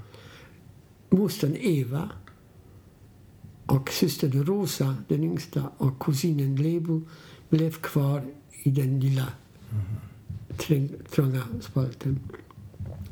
De såg sex personer komma ur, så osannolikt. De kollade inte. Nej. Så vi, de, vi sex tog våra ryggsäckar, Ja. gick ner. De, vi, vi fördes till samlingsstället, omslagplats, gamla fängelse, Antjanitski-gatan. Mot kvällen kom Rosa till oss. Jaha. Så jag, Som var kvar i... ja, så att ta avsked och berättade första gången att hon är i en konspirationsgrupp, ungdomar, socialister, som har ett gömsel och ska gömma sig och vänta till Röda armén kommer till Lodz, för de står nära. Bara hundra Och det visste inte ni? inte visste det. Så hon kom säga farväl. Hon vill inte följa med för hon hoppas att de lyckas gömma sig och överleva i den tills den ryska röda armén befriade dem. Så hon stannade. Ja, men de, eh, de fångade, de upptäcktes. De upptäcktes. De, de upptäcktes. Och kusinen också? Ja, kusinen överlevde. Okej. De upptäcktes en dag, 500 ungdomar. Oj. Bragtes till Auschwitz och genom Auschwitz-Birkenau Ja. till Stutthof Ja. nära Gdansk. Därifrån jag besökte upp detta ställe, Ja. eh, minnesplatsen, museet i Stutt, Stutthof. Ja. Och då fick jag en information att jag är Rosa Weintraub, född 24, från Auschwitz, Lodz, Dithmarstadt Lodz, Dithmarstadt Ghetto, Auschwitz-Birkenau, Stutthof till Petersburg, Kaliningrad. Jaha. Till, eh, med, eh, på tågarbeten, på tågspår, räls, Ja. Alltså tågarbeten och då omkom hon. Inget, inget spår efteråt. Och hon dog under de- den tiden. I Sovjetunionen? Nej, det var inte. Det var eh, fortfarande under tyska ockupation 44. Fortfarande tyska ockupationen? Så det, jag har den lappen men inga, inga bevis av hennes... Okej, men ni står där på omslagsplats. Och på morgonen kom tåget. Stod ni där hela natten? Visst, eh, vi, om vi såg, sov eller satt. Men detta, den natten som du nämner, jag har inget minne vad vi gjorde den natten. Bara jag ser systern som ser, ser avsked, tar avsked från oss. ja. På morgonen kom tåget. Boskapsvagnar, täckta, inte öppna.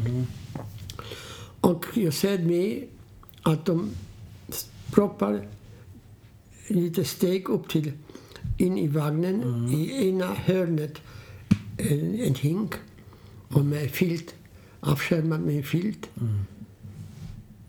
För nätdörft som och proppades fullt.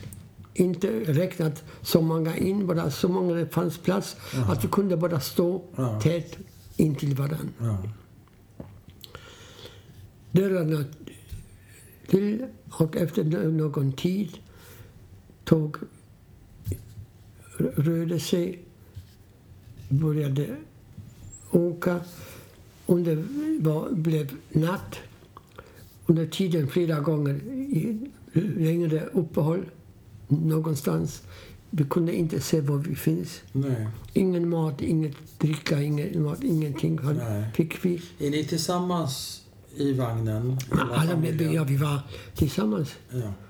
Och har inget minne utom en enda sak som just händer just nu. Att samma sak som den natten innan vi sattes Mm. på transport. Mhm. Tystnad. Inga klagor, Nej. inga gråt, Nej. inga rop av eh, upprördhet. Som vi blev förlamade att, emot deras löften att vi ska födas i säkerhet. Aha. Att vi ska fortsätta jobba för tyska armén. Att all utrustning för, fab, från fabrikerna ska följa. Så under sådana förhållanden ska vi födas till något säkert ställe. Det var en så djup chock och trauma att folk hade inte var, var inte i stånd att protestera, att, att visa, yttra sin upprördhet Nej. och besviken. Att vi blev så besvikna. Och var det inga Ja, I mina öron jag hör bara en förlamande tystnad. Jag hör inga, inte en enda röst. Kanske inbillar jag mig, jag vet inte. Nej, nej, Kanske det- är en efterkonstruktion. Ja. Men jag hör, hör ingen röst så väl i omslagsplats den natten. Nej. För vad, så annorlunda än, än de lovade oss på, på, Ja. på Och du hör ingen röst som spekulerar om vart ni är på väg? Vad ingen, händer ingen, vi nu? hade ingen Blir aning. det bra? Blir det dåligt? Ingen? Ingenting. Nej, Ingen, ingen, ingen diskussion, Nej. inget samtal Nej. om vad som hände. Bara Och så kommer den morgonen, blev igen ljus, dörrarna upp och så konstiga, konstigt klädda, klädda män i pyjamas kan man bara säga, såna eh, kostymer eller Mm. Var de randiga? randiga klädsel. Och de ropade bara fast, fast, fast. Iväg, iväg, iväg. Spring, spring, spring. snabbt, snabbt. Och jag hade min ryggsäck i armfamnen. Ja. Och jag ser ansiktet, hennes ögonen. Han böjer sig ner och drar brutalt min ryggsäck. Och jag ropar med mina saker, mina frimärken. ja. Han bara tittar och säger, här kommer man inte att, att, att leva. Och, jag, och det har jag klara minne. Och det var alltså en fånge som sa det? Och jag har klart minne att jag tänker, vad ser han för dumheter? Ja. Vi skulle ju komma till jobbet här och fortsätta Ja. jobba Ja. för tyskarna och eh, inte leva. Och så sa jag till mamman, för de ropade ut män till vänster, kvinnor till höger. Jaha. Och då sa jag till mamman och syster, vi ses inne. För något inne måste ju finnas. Ja. De eh, för oss till något ställe så måste det finnas något inne. Jag såg mammans ansikte, mamman lite rouge tog hon på kinderna. Ja. Såg ganska ungt ut, vit blus, mörkblå kostym. Ja. För eh, mostern var mycket, tio år äldre. Jaha. Och de såg fast, spring, spring, spring framåt. Och det var framåt kanske 100-200 meter en grupp officerare troligen i gröna uniformer. Som systrarna berättade för mig. När de kom fram böjde sig han, om det var Mengele eller någon annan tysk officerare kan vi inte säga. Och, och sa någonting till mamman. Mamma svarade. Men sen visade tummen till mostern. Till höger. Mm. Från vår sida till höger. Och hon drog mamman med sig. Hade henne krampaktigt. Hennes hand. Ja. Och systrarna gick till, till vänster. Visade till vänster. Mamman var 50 år. Tillsammans med tre döttrar. Hon skulle ha en chans att överleva. Men jag i den springande framåt i gruppen, för det var så många, mycket folk. Vagnarna tömdes av folk och alla trängdes. Men på en gång ser jag i ögonvrån stolpar, stängsel, taggtråd. Men utöver detta även vita isolatorer och ledningar. Du, hinner Jag var ju elektriker. du hinner uppfatta allt det här? Jag var ju elektriker. Ja. Strömförande ledningar på stängsel. Var har jag råkat komma in? Aha. Varför det undrat? Och det var ju som en mussel stängdes. Ja. En mussla. Ja. En mussla. Så en chock för mig att jag slutade egentligen eh, tänka överhuvudtaget. Jag kunde utföra order, jag kunde höra, se, gå, göra grejer. Men tänk att min kära mor och kära systrar, jag kommer, har inget minne att jag någonsin under den tiden har tänkt vad har hänt med mamman och mina systrar. Inte? Inte ett enda gång, inget minne. Oj. Så bortkopplad var Ja. mitt, eh, så att säga, den högre igen aktiviteten. Vad, vad var den övergripande uppgiften för dig? Även om du inte tänkte. Vad var, var det att lyda order i det här läget? Eh, Bara att finnas till. Att, att jag, jag hade känslan att jag en, en, fortfarande är vid liv. Du är vid liv. Att jag, att jag lever. Men det är också allt. Jag har klart inget. För jag har knappast växlat, växlat några ord med någon. Jag hade oturen igen att i den transporten, i den gruppen som jag råkade finnas, fanns inte en enda för mig känt ansikte. Nej. Inte en enda person som jag kunde ha några, något gemensamt eller något som, som var, var känt för mig. Så det var eh, procedur, proceduren i Auschwitz, det var ju känt. Jo, men inte för dig. Eh, som in först, det första steget av eh, dehumanisering, som jag kallar detta. Att ta bort allt personliga från dig som människa. Av med alla kläder. Sen dusch.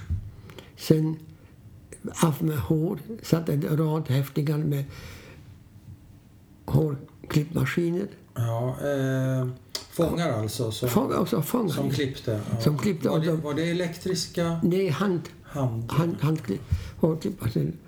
Och hur gick det till då? Det, det var en kö Ja, och det var trängsel och de var, hade bråttom. Ja. Så de, det var många gånger en hud, hud följde med, med håren. oj. Man Och det var- slet av det lika mycket Det, som det, var, så var brutalt, under, framförallt underlivet, under armarna, armhålor och huvud. Och sen nästa stycke var det värsta, att det var en tråg kärl med en illaluktande ölig eh, karbol eller fenol. Ja. Så desinfektion, de tog en mobb som man Ja. städade golven idag Ja, dopade i det och sen under underlivet, under armen och huvudet. Och det brände hemskt på de sårade såklart. ställena. Ja, ja. Fenol. Vad, Eller karbol. Eller vad var uppgiften att ta bort? Desinfektion. eh, de- Ja, desinfektion. löss och Lös och sånt. Yes. Och sen nästa, och sista var, eller näst sista var vid utgången från din baracken. De kallades block, inte barack. Mm. Så en rad fångar som kastade klädstycken. Byxa, jacka, Ja, skjorta ja. och eh, träskor. Var det nya kläder? Nej, begagnad. Jag fick en stor byxa som på någon tjock människa. Eh, Två eller tre skulle finna plats. Och letade efter någon som var storvuxen. Fick en liten eh, Hur, satt, hur kunde de sitta uppe då? Brallorna? Det, Hade du någon rep? nej, det, kom, in- det var en snurre. Ett snöre? Ja, du? ja, snurre ja. Och så fick vi komma i en barack, en block. Det var mycket en, en byggnad Mm. som var i mitten uppbyggnad var, fanns en av brickor. Brick. Så en lång upphöjd. För, av bägge änden fanns skorsten och samma brickor och eldställe. Mm. Tegel, Tegel, tegel, tegelbrickor. Och på ytväggarna fanns en bjälke med ringar på bara två meter avstånd. Det var stall, häststall för, för det kriget, ka- kavalleri. Och vad hette det här blocket? Vet du det? Och jag fick, det var först en block så kom in en kille, en man, medelålder, välklädd. Mm. En tysk? Nej, en fånge. En jude? En fånge, jag vet inte, var jude eller ryss eller polack. Nej, vad som helst. Men, men han, han var troligen jud- jude, för han var på jiddisch och polska. Aha. Mest på jiddisch. Och han var elegant klädd? Ja, elegant klädd. Väl, väl, kanske någon capo eller från... Ja, en vakt eller få- fångvakt. Och eh, för, övertalade oss, hotade oss och lovade extra tillgång av mat om vi alla som gömde smycken eller gulddollar i naturliga kroppsöppningar att ta ut, det fanns så lite kärl, liten hink. Att, får, om man frivilligt lämnar ut får man extra mat. Annars om man blir röntgad och blir upptäckt blir man bestraffad. Och enda tanken var bestraffat, ordet straff är detta som vi redan gick igenom. Är det inte straff? No, vad finns ännu större straff än, detta?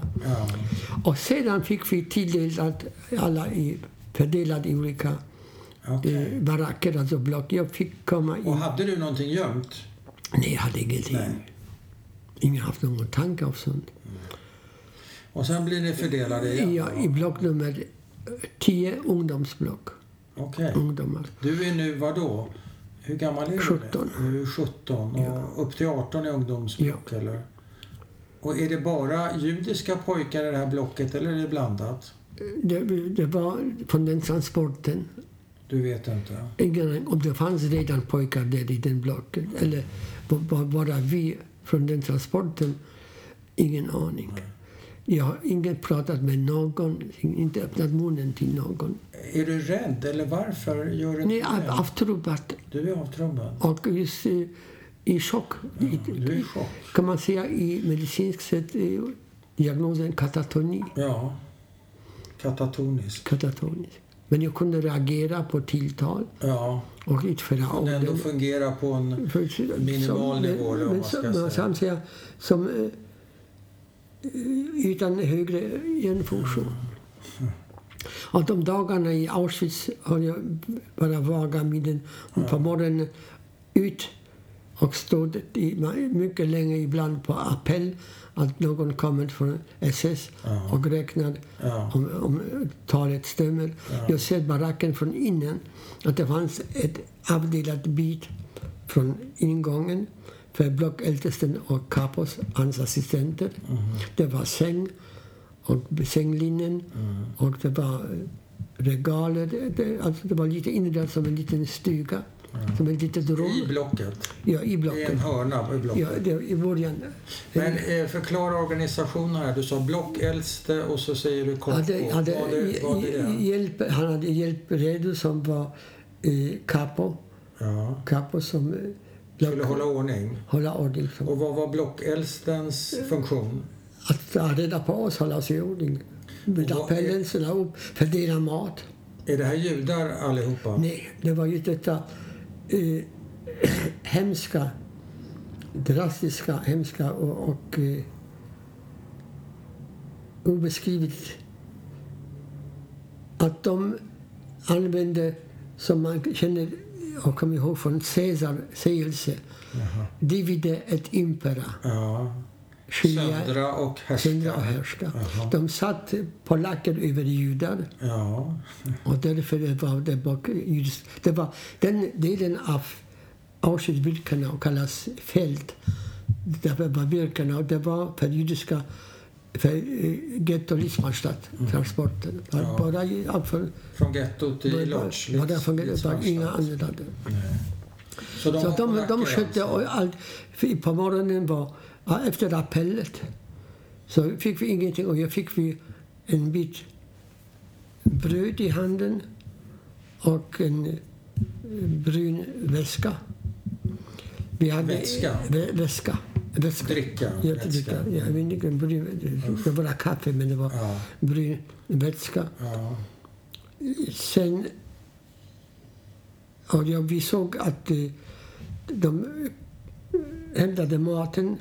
De visste vilka personer det finns på huvudet. Mm. Så de, de tog åt sidan några limpor bröd för sig, för sig själv. Och resten delade de. Och om de sista fick eh, ingenting för Nej. det var slut, var, om så var det för, för dem. Okej, då var det slut. För de behöll en del Ja. bröd för att, för byta, att byta mot andra saker med andra kappor, Ja. med andra blockeltes. Aha. Med cigaretter eller något, något annat. Så jag hade inga, vi, vi är inte sysselsatta. Nej. Var, det var appell, sen frukost. För tidigare den, den bruna vätskan och en bit bröd. Sen tvätta fanns en liten eh, tråd med lite, eh, några kranar. Mm. Så kunde man eh, lite vatten på ansiktet. Mm. Inga handdukar, inget tvål, ingenting sånt. Nej. fanns inte.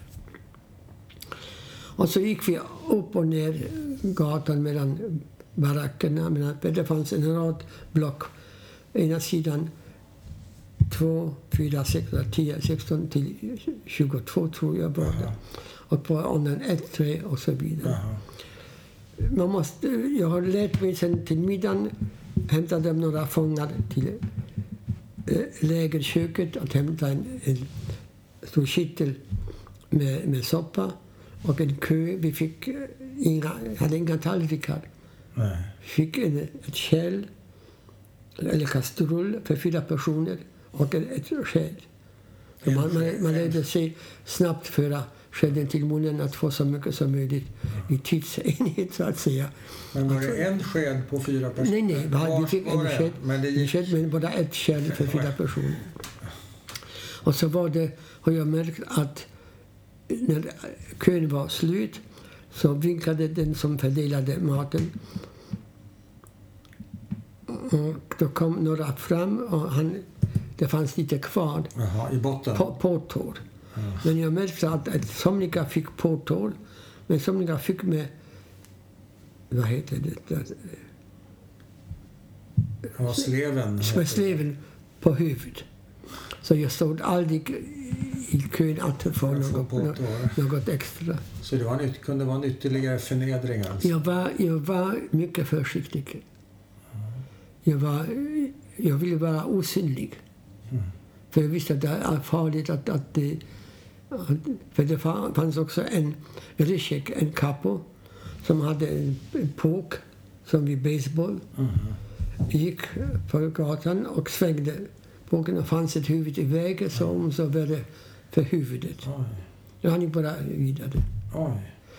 Så, det, så ryssar var över polacker, polacker över ryssar och judar. Och så de, så jag såg ingen soldat, ingen SS-man i, i Auschwitz. Utom vid appellen. Ja.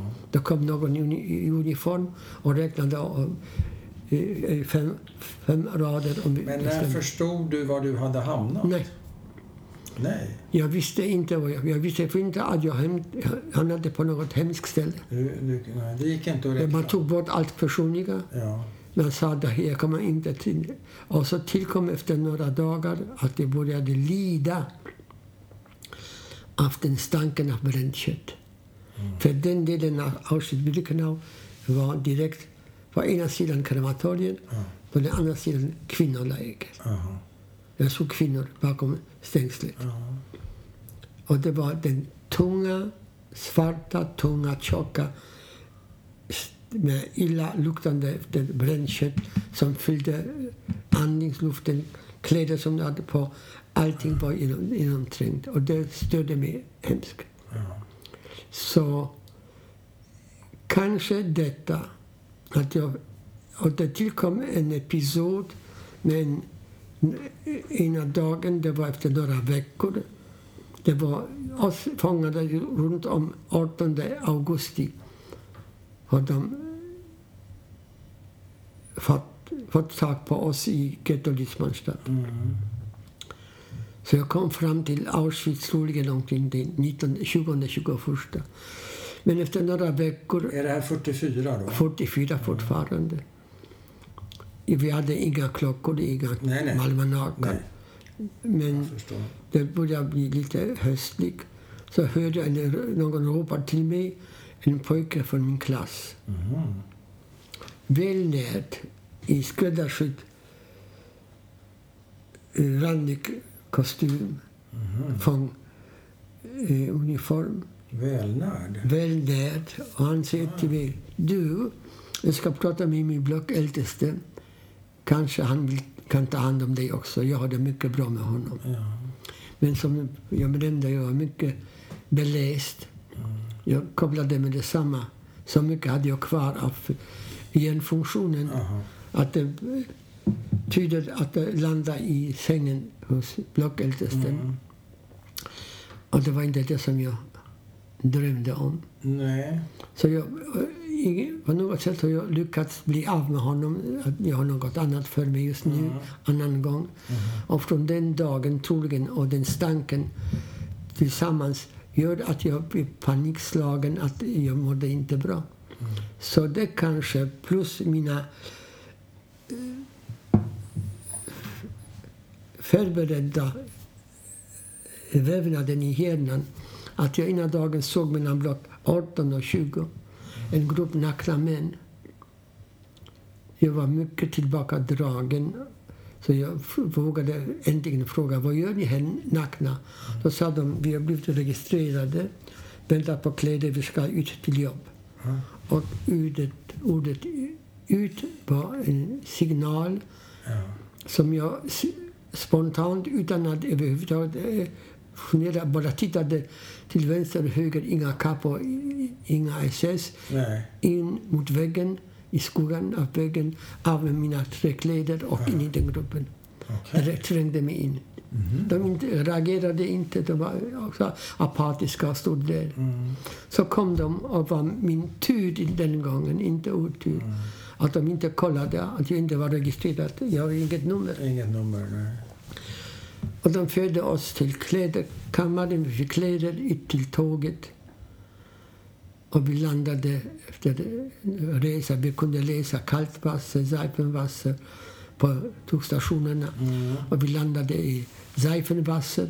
Mhm. Och bara eh, ett par, tre dagar senare flyttades vi till ett eh, läger med baracker, Mm. riktiga baracker. Mm.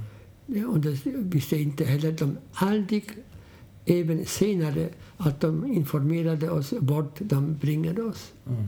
och varför och när. Så det var Dörnau.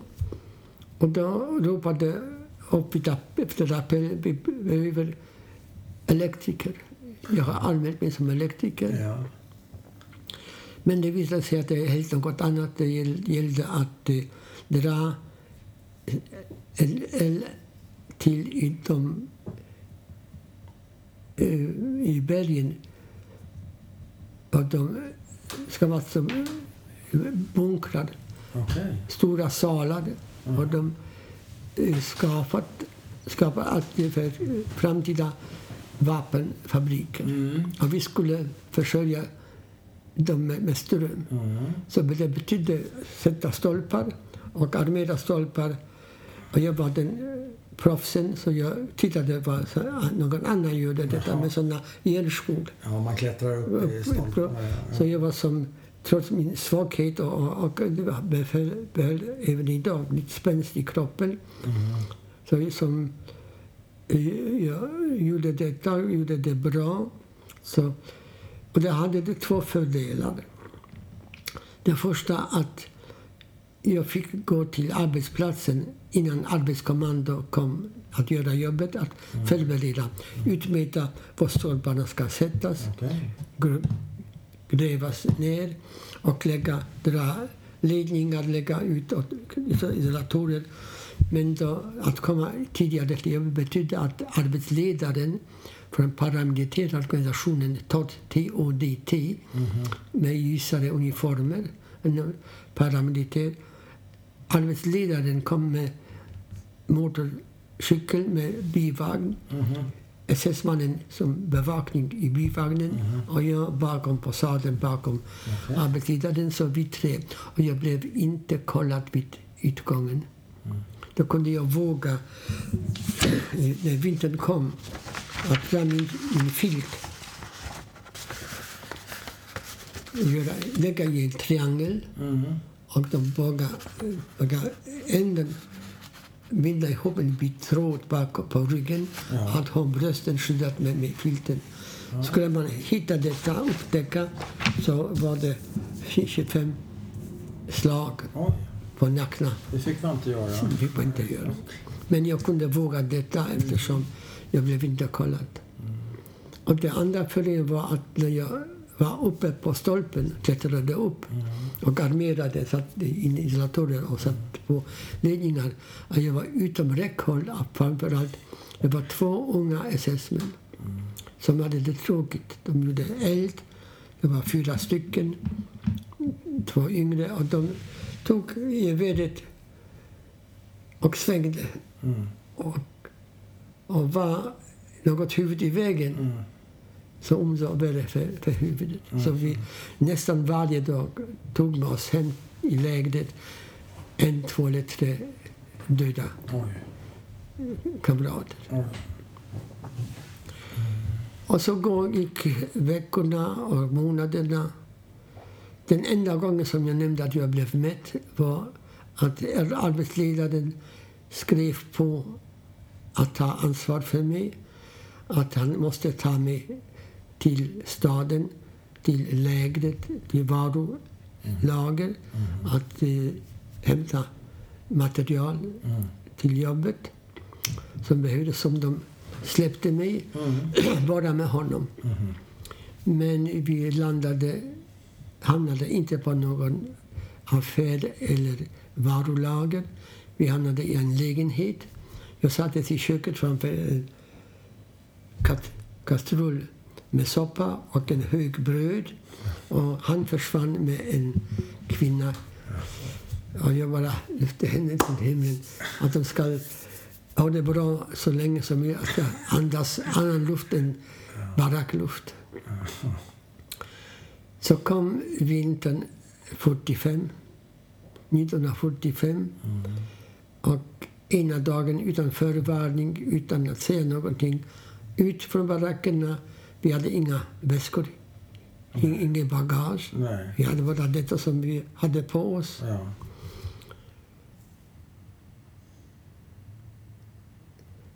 Och ställt upp och iväg. Och det var den dödsmarschen. Mm. Det var i februari 1945. Oj. Jag kanske kan nämna eh, en hemsk upplevelse under den tiden, under den tiden i den Dörnau. En av mina dagar vi kommer tillbaka från jobbet så såg vi två fångar vid ingången, vid porten, vid stängslet utan- utanför under bevakning av två SS. Eller var det soldater? Det var inte svarta SS-uniformer, det var gröna uniformer. Det var eh, Wehrmacht. Men kanske var det SS. Jag vet inte. Så vi knappast hann komma in i baracken. Det var gång, gång, samling på appellplatsen och då såg vi en gal, galgen uppställd med två rep, slingor. Och blå- lagerfyrer kom och berättade att de tappade, eh, fångades vid ett flyktförsök och ska hängas som bestraffning. Och det hemska var att när de tog bort lilla stolen under fötterna för den storvuxna mannen. Repet brast, sprack och han landade på golvet med detsamma. Han började eh, gråta och be Guds tecken, jag är oskyldig, låt mig leva.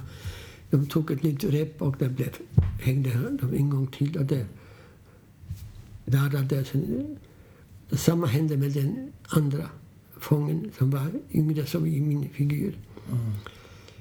När de tog ner dem, och slutade darra, så kom läkaren och lyssnade. Och jag ser, han vinkade lagerfyren Mm. och frys och eh, sa någonting tyst. Och han tar ut revolvern och eh, i stjärnan skott båda två. Det hade eh, visat livstecken. Mm. Så det, det, Han det, sköt dem i eh, tidningen? tidningen.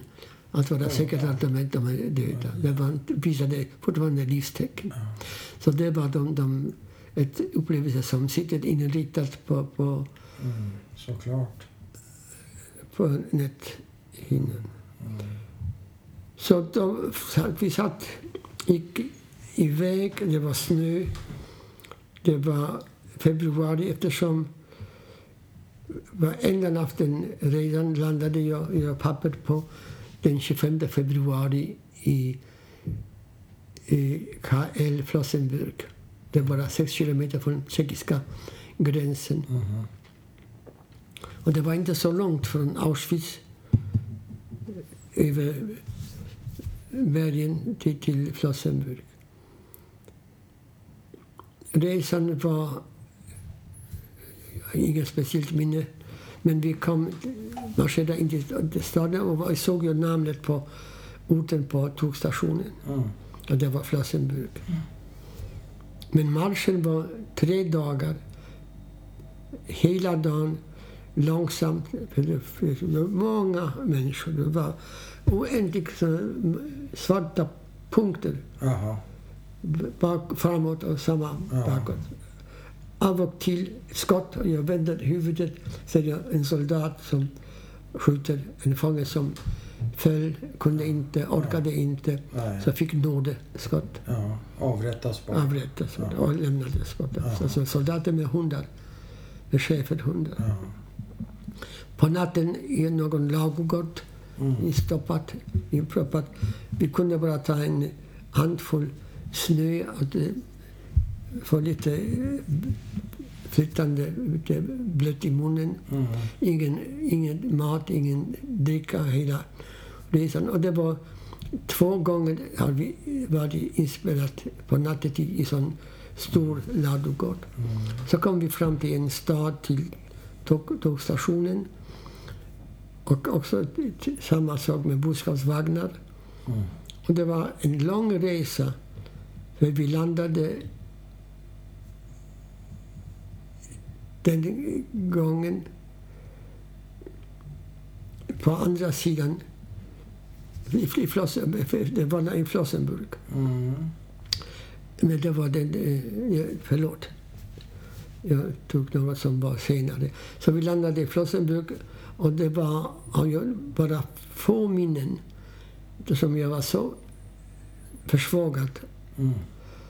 och knappast eh, mera död än vid liv. Mm. Jag kommer ihåg i barackerna, långa, långa appel. Mm. Där man stod i vinterkylan långa, långa tider. Nattetid i en, på en brits som var smalare än detta bord. Mm. Och vi var omlott, fyra personer på sån brits. Och flera gånger har jag känt en kall fot vid min Ja. kind, vid kinden. Och det var kamrat som dog under natten. Vi var sen tvungna att ta ut alla som dog under natten och ordentligt lägga upp vid ingången till baracken. Att summan ska stämma för alla eh, som, som skulle finnas där i Ja, baracken. just det. Det andra var något eh, speciellt fenomen. Vi hade knappast kläder. Det var en tunn jacka och en skjorta. Och byxor, inga underkläder. Och det var ju vinter. Det var så hemskt kallt. För det drar från Sudeten, kommer vinden. Mm. För Flossenburg var känd för eh, stenbrott och Messerschmitts fabrik för flygplan. Attackflygplan. Och det var stenbrotten var granit. Halv Nürnberg har de byggt från den graniten. Men jag var inte insatt i något arbete, jag var för svag. Mm. Men de dödade inte med detsamma fångarna som kom. Utom i undantagsfall när de, eh, de som dog, men de dödade inte. Det Nej, folk nej. som dog i stenbrotten, olycksfall vid jobbet, Aha. för inga verktyg och stora block. Ja. För då var man borta. Så vi trängde oss till varandra att uh, utesluta kylan. Mm. Och bäst att man var i mitten, att vara fyra kroppar, kroppar runt om. Ja. Man inte värmer så mycket som just uh, utesluta uh, kylan. Mm. Men det gjorde att det kom fler och fler och fler. Att de som var i kärnan i mitten nästan eh, kunde inte andas och ville ut. Och de som var yttersjukt var kallt i ryggen, de ville gå in. Så hela den massan rörde sig som spökligt på, på appellplatsen. Ja. Som en termit grupp skulle vandra på, på, på stället. Så det har jag fast i minnet, den, den, den bilden. Och var det tyst hela tiden som den rörelsen gjordes? Eller Ja, det var inga, Ingen prat. inga röster. Inga. inget flytta Men på även jag idag, vill in, jag vill när, ut? när jag liksom. hälsar på en gång om året sedan tio år deltar jag i möten av överlevande i Flossenburg. Mm. När jag kommer på appellplatsen så kommer en viss känsla speciellt över mina fötter och jag började, började darra.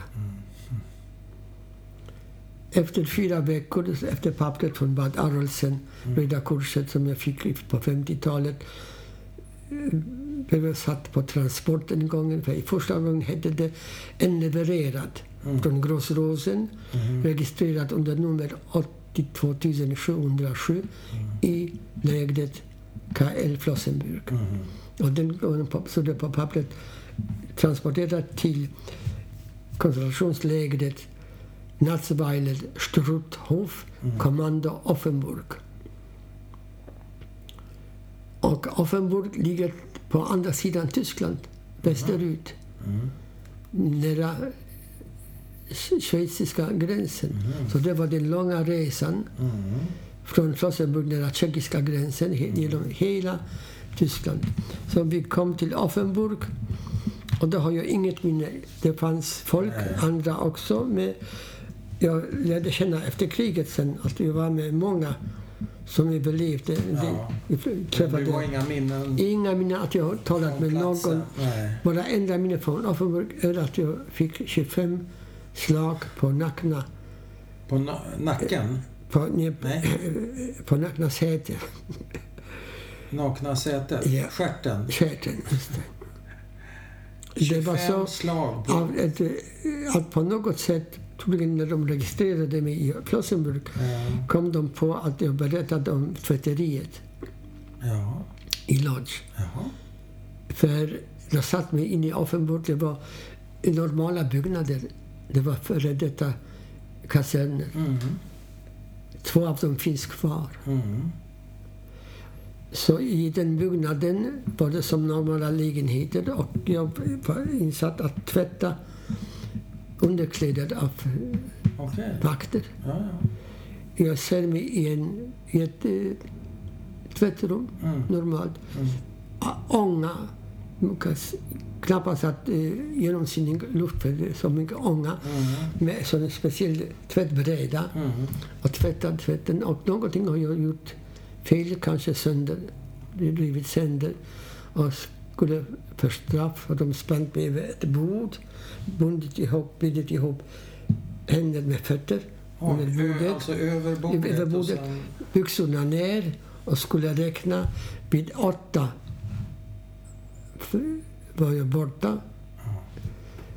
För jag, Var det med käpp eller vad var det med? det var inte käpp, inte bältet. Det var ett eh, gummislang fyllt med sand. Att det ska ha vikt. Så de senaste dagarna kunde jag bara ligga på magen, kunde ligga på, på ryggen. var alltid sårat sår. Men igen, utan att säga hur så och varför, varför ena dagen, och det var runt om den 20 april, Mm. ner på gården, på gården uppställd i fem rader in till tågstationen och den gången i personvagnar. Mhm. Tåget sattes igång. Bara efter några timmar stannade tåget. Vi hörde explosioner av eh, flygplan Aha. över, Bomber alltså. över våra huvuden. Och tåget stannade. De drev oss från vagnarna. I, och vi, i små grupper. Men Mhm. hur, kullen upp, kullen ner. Det var Jaha. Schwarzwald. I området av, eh, söderut från Donaueschingen, Aha. var Donau börjar, och utskäraren av Donau, Donaueschingen. Och efter det, nå- någon tid, jag har ingen be- aning hur länge, Nej. men eh, plötsligt ser vi att framför oss är fjärran en liten grupp och bakom oss ingen, ser vi ingen häftlingsgrupp, fångargrupp. Men vi nästan chockerade att vi ser i buskarna klädstycken med SS-tecknen. Och inga va- vakter har förs- försvann. De har flytt? Mössor med dödshuvud Ja. och de SS-tecken, Oj. blixtrar på jackorna. Ja. De försvann. Oj. Så vi satte oss i buskarna, gömde oss och väntade. Och vi hörde skott igen.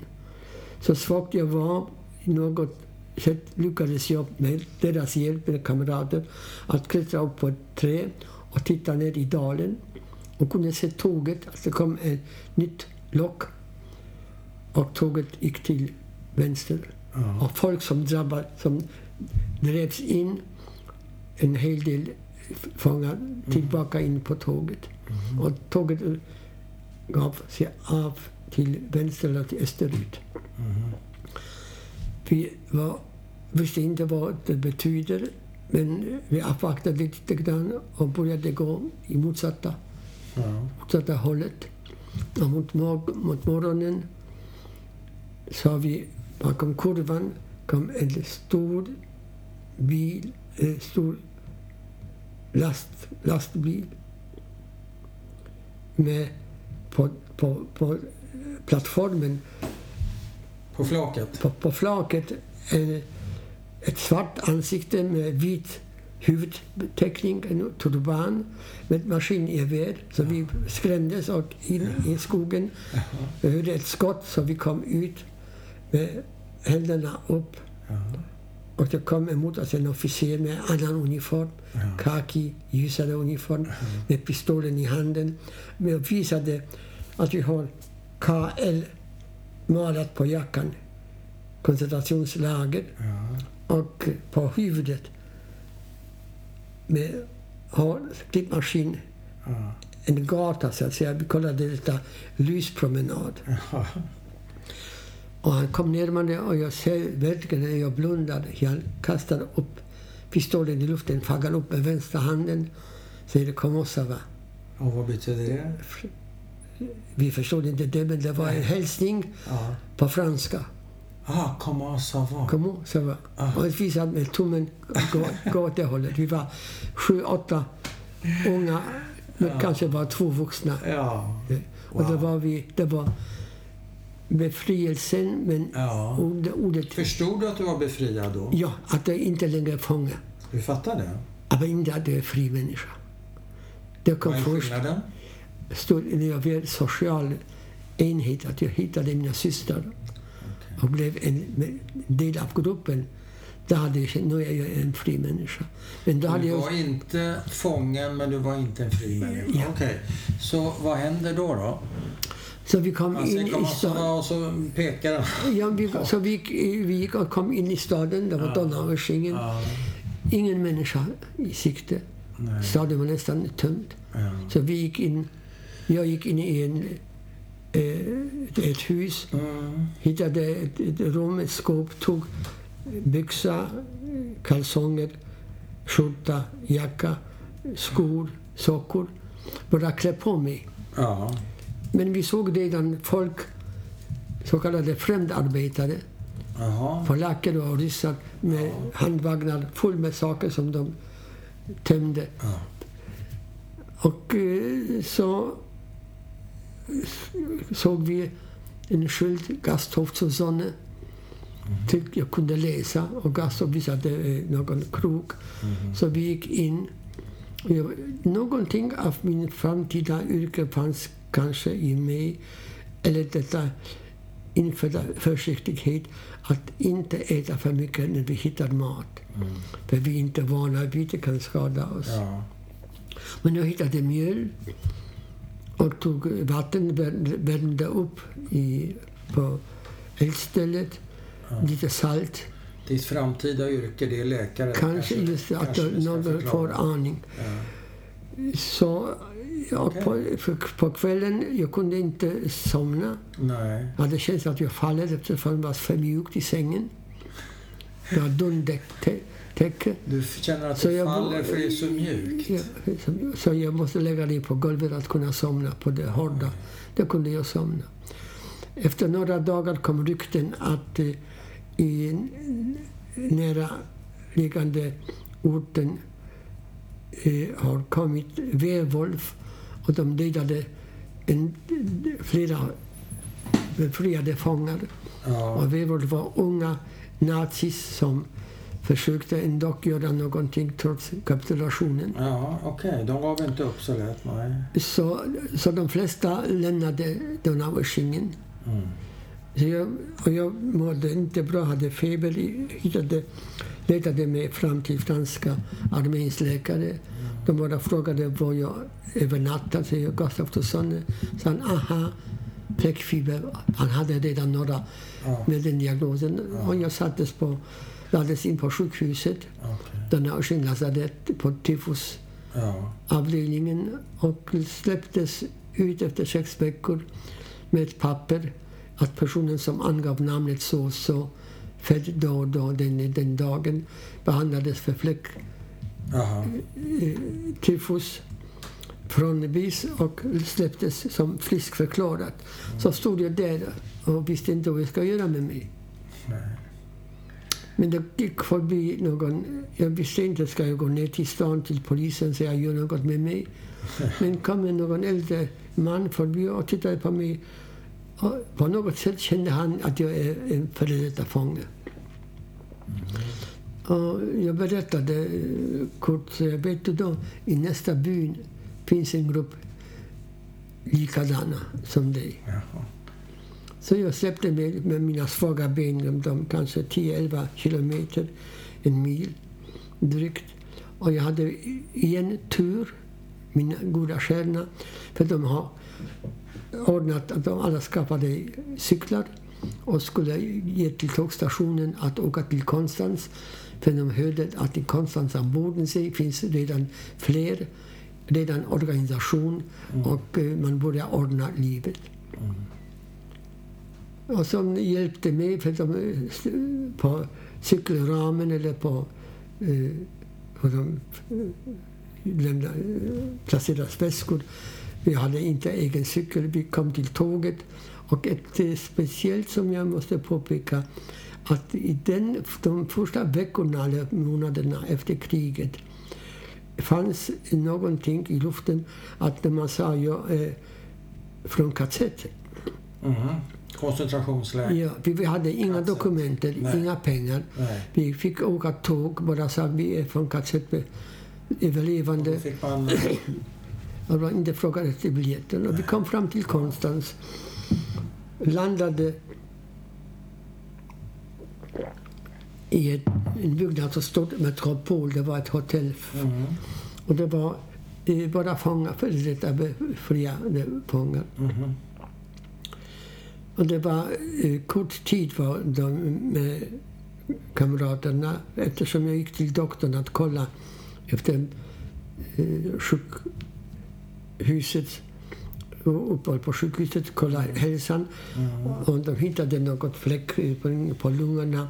Jag sattes i sanatoriet, franska armésanatorium på eh, halvön, halvinsel Reichenau. Mittemot ön Mainau, på Bernadottes ön Mainau. Mm, ja, just det. Och det var det mycket fint.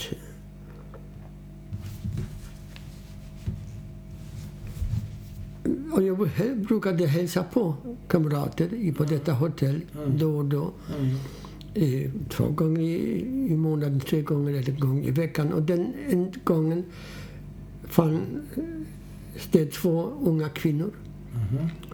som när jag presenterade mig som Weintraub, de ropade upp Weintraub. Vi kommer från Bergen-Belsen, letar efter överlevande släktingar. Mhm. Men där, där har vi träffat tre flickor från Lodz, Lolla, Franka, Malla, Oj, dina systrar? mina systrar. Så om jag skulle kommit en dag tidigare eller en dag senare skulle jag inte träffat dem, utan bara på genomresan. Ja, Och vem vet vilka vägar mitt Nej. liv skulle tagit. det har ingen aning.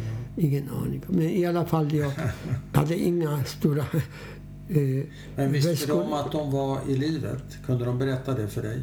Ja, de berättade att de träffade, de, de träffade dem vid livet. Vid livet, Ja, det, det, snälla, det var från september 1945. Ja. Alltså det var från, efter första tiden, ja. det var ju fyra månader, Ja. fem månader efter kriget. Som, att de träffade dem där, det- betyder att de på Att något sätt överlevt? Att de inte bara överlevt, att de lever och inte... I, för strax efter befrielsen var vi alla i hemsk kondition. Så du får reda på att de lever? I fem dagar har det tagit tid att komma fram. Ingen aning var jag övernattat, vad jag har ätit. Och, Till Bergen-Belsen? till Bergen-Belsen. Och vad händer? Jag kom till, till Celle staden som inte Celle, Ylsen, Celle var största, nästa, närmaste staden från lägret. Ja. Och jag frågade folk hur kommer man till Bergen-Belsen. Är på den platsen finns shuttle som går lastvagnar Ja. Åt bägge håll. Ja. Fram och tillbaka. Fram och tillbaka. Jag kom dit och det stod lastbil på flaket. stod en kille som hjälpte mig upp och tittade till mig och sa du lever? En fjärran släkting som kände igen mig. Oj. För jag var också efter fem månader var jag inte längre så, Nej. så hemskt påverkad av återställd, lite grann återställd. Ja, så han känner igen dig. Och säger du, jag måste gå före och förbereda dina systrar att de inte får någon hjärtslag eftersom de sitter skiva. För Felle Kupperman, en bekant till familjen, var för fem dagar sedan kom och berättade att han såg det i, i Auschwitz-Birkenau att din block nummer 10 togs till gaskammaren och han såg det i den i, blocket. Så dina systrar sitter och sörjer dig Och de, i sju dagar? Som, Nej, det var fyra, fem dagar. ja, men de, ja. För han hade ingen aning att jag lyckades några dagar innan undkomma Stackars på det sättet som jag berättade. Så jag, han gick före, jag kom dit. Då kan du tänka dig vad lyckliga vi alla varit. Det kan jag Och egentligen är detta slutet på min berättelse. Mm. Utom det stora kapitlet Vägen tillbaka till det riktiga livet. Mm. Jag har några... Eh, du säger att du, du var inte fången eh, när du, du var befriad. Eh, jag vet inte hur du Jag var det. inte längre fångad. Nej, du var inte längre fångad, Ja, men du var inte en fri människa. inte. När du träffar dina systrar, Ja. Blir du, blir du en fri människa? Ja, det känner jag, jag, jag hör till någon, en, en grupp, eh, sam, samhörighet. Att först då blir man en social enhet. Men är du en hel människa då? Ja, jag tycker, jag tycker att jag är. Men du sa att det var en lång väg tillbaka Ja, eftersom till vad? det var första månaderna. Ja, Det var i september 1945. ja, Och eh, det var några soldater från Palestina, judiska soldater från Jewish Brigade. mm, Och de tog hand om oss unga. Och även eh, lite ideologi Alison, vänster, socialister. mm, Så en sorts undervisning som organiserad samvaro. mm. Som att vi eh, fanns som grupp, vi började kännas som människor. Men en del jobbade inte, men en del började med svarta marknaden göra pengar. Mm. Men det var inte något som jag tyckte eh, för mig. Jag ville fortsätta lära mig om detta. Vad kunde man göra, tjäna på svarta marknaden? Och mycket handel. Då fick jag tillgängliga av liv. Det fanns mycket hunger, mycket nöd i Tyskland på den tiden. Ja, Så de eh, smö, smöken, smycken och eh, bilder och tavlor, allt för, för, mat. Och man kunde få från eh, armén, vi fick hundra tilldelningar. ja, Och hade, vi hade mat tillräckligt. okej. Och det var mycket... Men det var inte för dig? Nej, jag tyckte inte om sånt. Jag tänker överhuvudtaget inte till, till eh, köpen, till, till business. Du, eh, vi pratar om det här inte fångad, fri människa, men det finns ju ett annat begrepp, återupprättelse. Det vill säga, har man eh, blivit avklädd värdighet, människovärde, respekt, eh, varit mer död än levande och sådär. Har du känt behov av att bli återupprättad och i så fall har du blivit det? Och i så fall när? Alltså min mentalitet, min, eh, mitt psyke är annorlunda. För jag var så lycklig att jag är mitt liv. Mm. Jag tänkte aldrig på något hämnd. Eller något. Jag var så lycklig så jag njöt av andas, av, av, av, av se, av, av lukta. Och som du nämnde, jag hade... Mitt huvud var egentligen carte blanche. Mm. Tom. Ja. Och begierig att få in, innehåll. Ja, ja. Så det jag lärde gärna, som i skolan de sex år, mycket gärna. Jag var lycklig i skolan. Och eh, klarade av eh, och, och eh, behöll också lätt. Ja. Så hat och hämnd, det är inte någonting för Det, dig? ordet, ordet hämnd Det, det betyder inget? och eh, detta som är fyra bokstäver, H, A, T, E, T, fem bokstäver. Ett strykare av mitt vokabulär finns inte detta ord. Vilket ord? Som på engelska är fyra bokstäver. H, A, T, E. Hat. Finns inte i mitt vokabulär. Hasse, det var på tyska. Du vill inte, du vill inte säga Det- ordet ens en gång? Det- Varför inte? Alla är, du, är, du skrock, alla- är du skrockfull? Nej, alla i min omgivning vet att jag tycker inte om detta ord. Det som har gjort så mycket ont under människor. Mm. Jag vill utesluta detta ord att man kan säga, jag tycker inte om, jag föredrar något annat. Ja. Men inte detta ord. Bara rent eh, eh, logiskt genomtänkt Ja. att detta ord som även hämnd ska inte användas. För om jag använder hämnd så ställer jag mig på samma nivå som de som gjorde mig ont. Ja. Jag gör samma ont dem så är jag inte bättre än dem. Det är sant. Hur är det med ett, tredje begrepp som hänger ihop med de här andra två, nämligen förlåtelse? Är det någonting du känner behov av att förlåta dina eh, nazisterna och de olika? Det, kan, det finns det? tre mycket besläktade ord. Mm. förlåta. På tyska är det vergeben, verzeihen. Eh, reconciliation. Det var inte tyska. Det Det är förlåta. Eh, reconciliation är väl... Eh, jag Försonas. Försonas. försonas. Så av de det- det begreppen, av de begreppen Ja. förlåta kan jag inte. Jag kan inte förlåta någon Nej, som mördade, min mamma. nej. Uteslutet. Eh, Men eh, för det går inte att förlåta. Nej. Ursäkta, inte heller. nej. Men förskönas, Försonas. försonas, försonas Ja. Kan jag tänka mig Ja. att det är möjligt eftersom som tänkande människa och humanist som jag Mm. tänker mig vara måste man någon gång sluta med jag mot dig, du mot mig Ja. efter man har gjort en sorts saldo Ja. och klargjort vad man gjort mot ja, varann. Säga nu ska vi Men förso, försoning... förso, försonas och gå vidare till en gemensam framtid. Ja, men det kräver väl två personer eller två parter, en försoning? Det är väl ingenting man kan göra på... Kan man försonas på egen hand?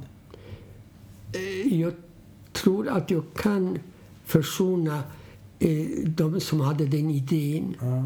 som, som, eh, som idag de kallas, som har predikar främlingsfientlighet, Ja, främlingsfientlighet. främlingsfientlighet.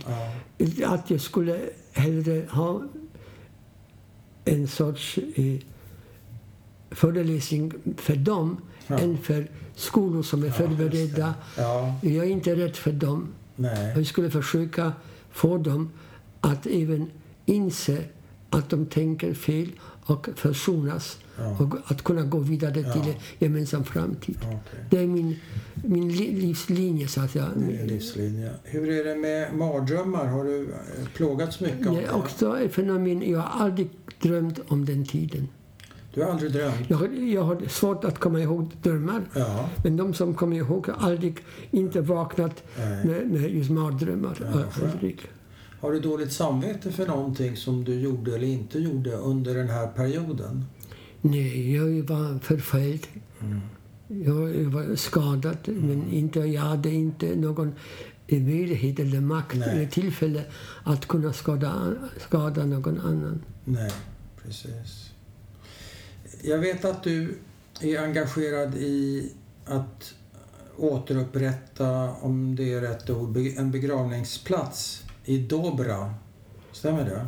Ja, det har vi gjort. Varför är det viktigt för dig? Att, eh, eh, den frågan fick jag i skolan i Dobra. Och då hade jag, mitt svar var... För det, för det första att bevisa att vi fanns där, finns där och ska finnas. Att... Var det det andra? Att vi bevisa att det finns polacker som är andra grannar än grannar i Jedwabne som dödade sina grannar mm, eftersom vi gör detta tillsammans med staden. mm, Och sedan vill jag bevisa att Hitler har förlorat mm, och hans ideologi. Han ville utrota oss, men vi är och, och bygger. mm. Jag tänker på din pappa också. Han begick ju självmord. Ja, Hur tog han sitt liv? han hängde sig i källaren. Jag, jag hade ingen aning om detta. Först efter kriget fick jag veta detta. Jag visste ingenting. Men för att summera. di- Dina tre systrar överlevde. Ja. Din mamma blev mördad Samma dag som vi kom till Auschwitz-Birkenau. direkt vid Direkt selektionen. Ja. Och också därmed hennes syster givetvis. ja, tillsammans. Hon som, eh, kan man säga, Ja, drog, drog henne, henne, ja. kan man säga. Har du några känslor kring det eller kan man ha det? Nej, bara jag tycker synd. Även detta känns som en herr Freund i Stockholm här. I tv på 70-talet. Ja. Att han stå, berättar att han känner skuld. Att han överlevde inte hans närmaste. Ja. Detta för mig ofattbart. Det f- fanns inget i min hjärna begreppet skuld. Skuld bara endast om jag skulle vara lite capo och mördat mina släktingar. ja. Det är klart skuld. Men annars, jag tycker synd. Jag är mycket bekymrad att de inte överlevde. Men inte har jag någon skuld att jag överlevde. För Nej. i mitt fall kan man säga jag, den enda gången som jag aktivt gjort någonting som möjligen räddade mitt liv.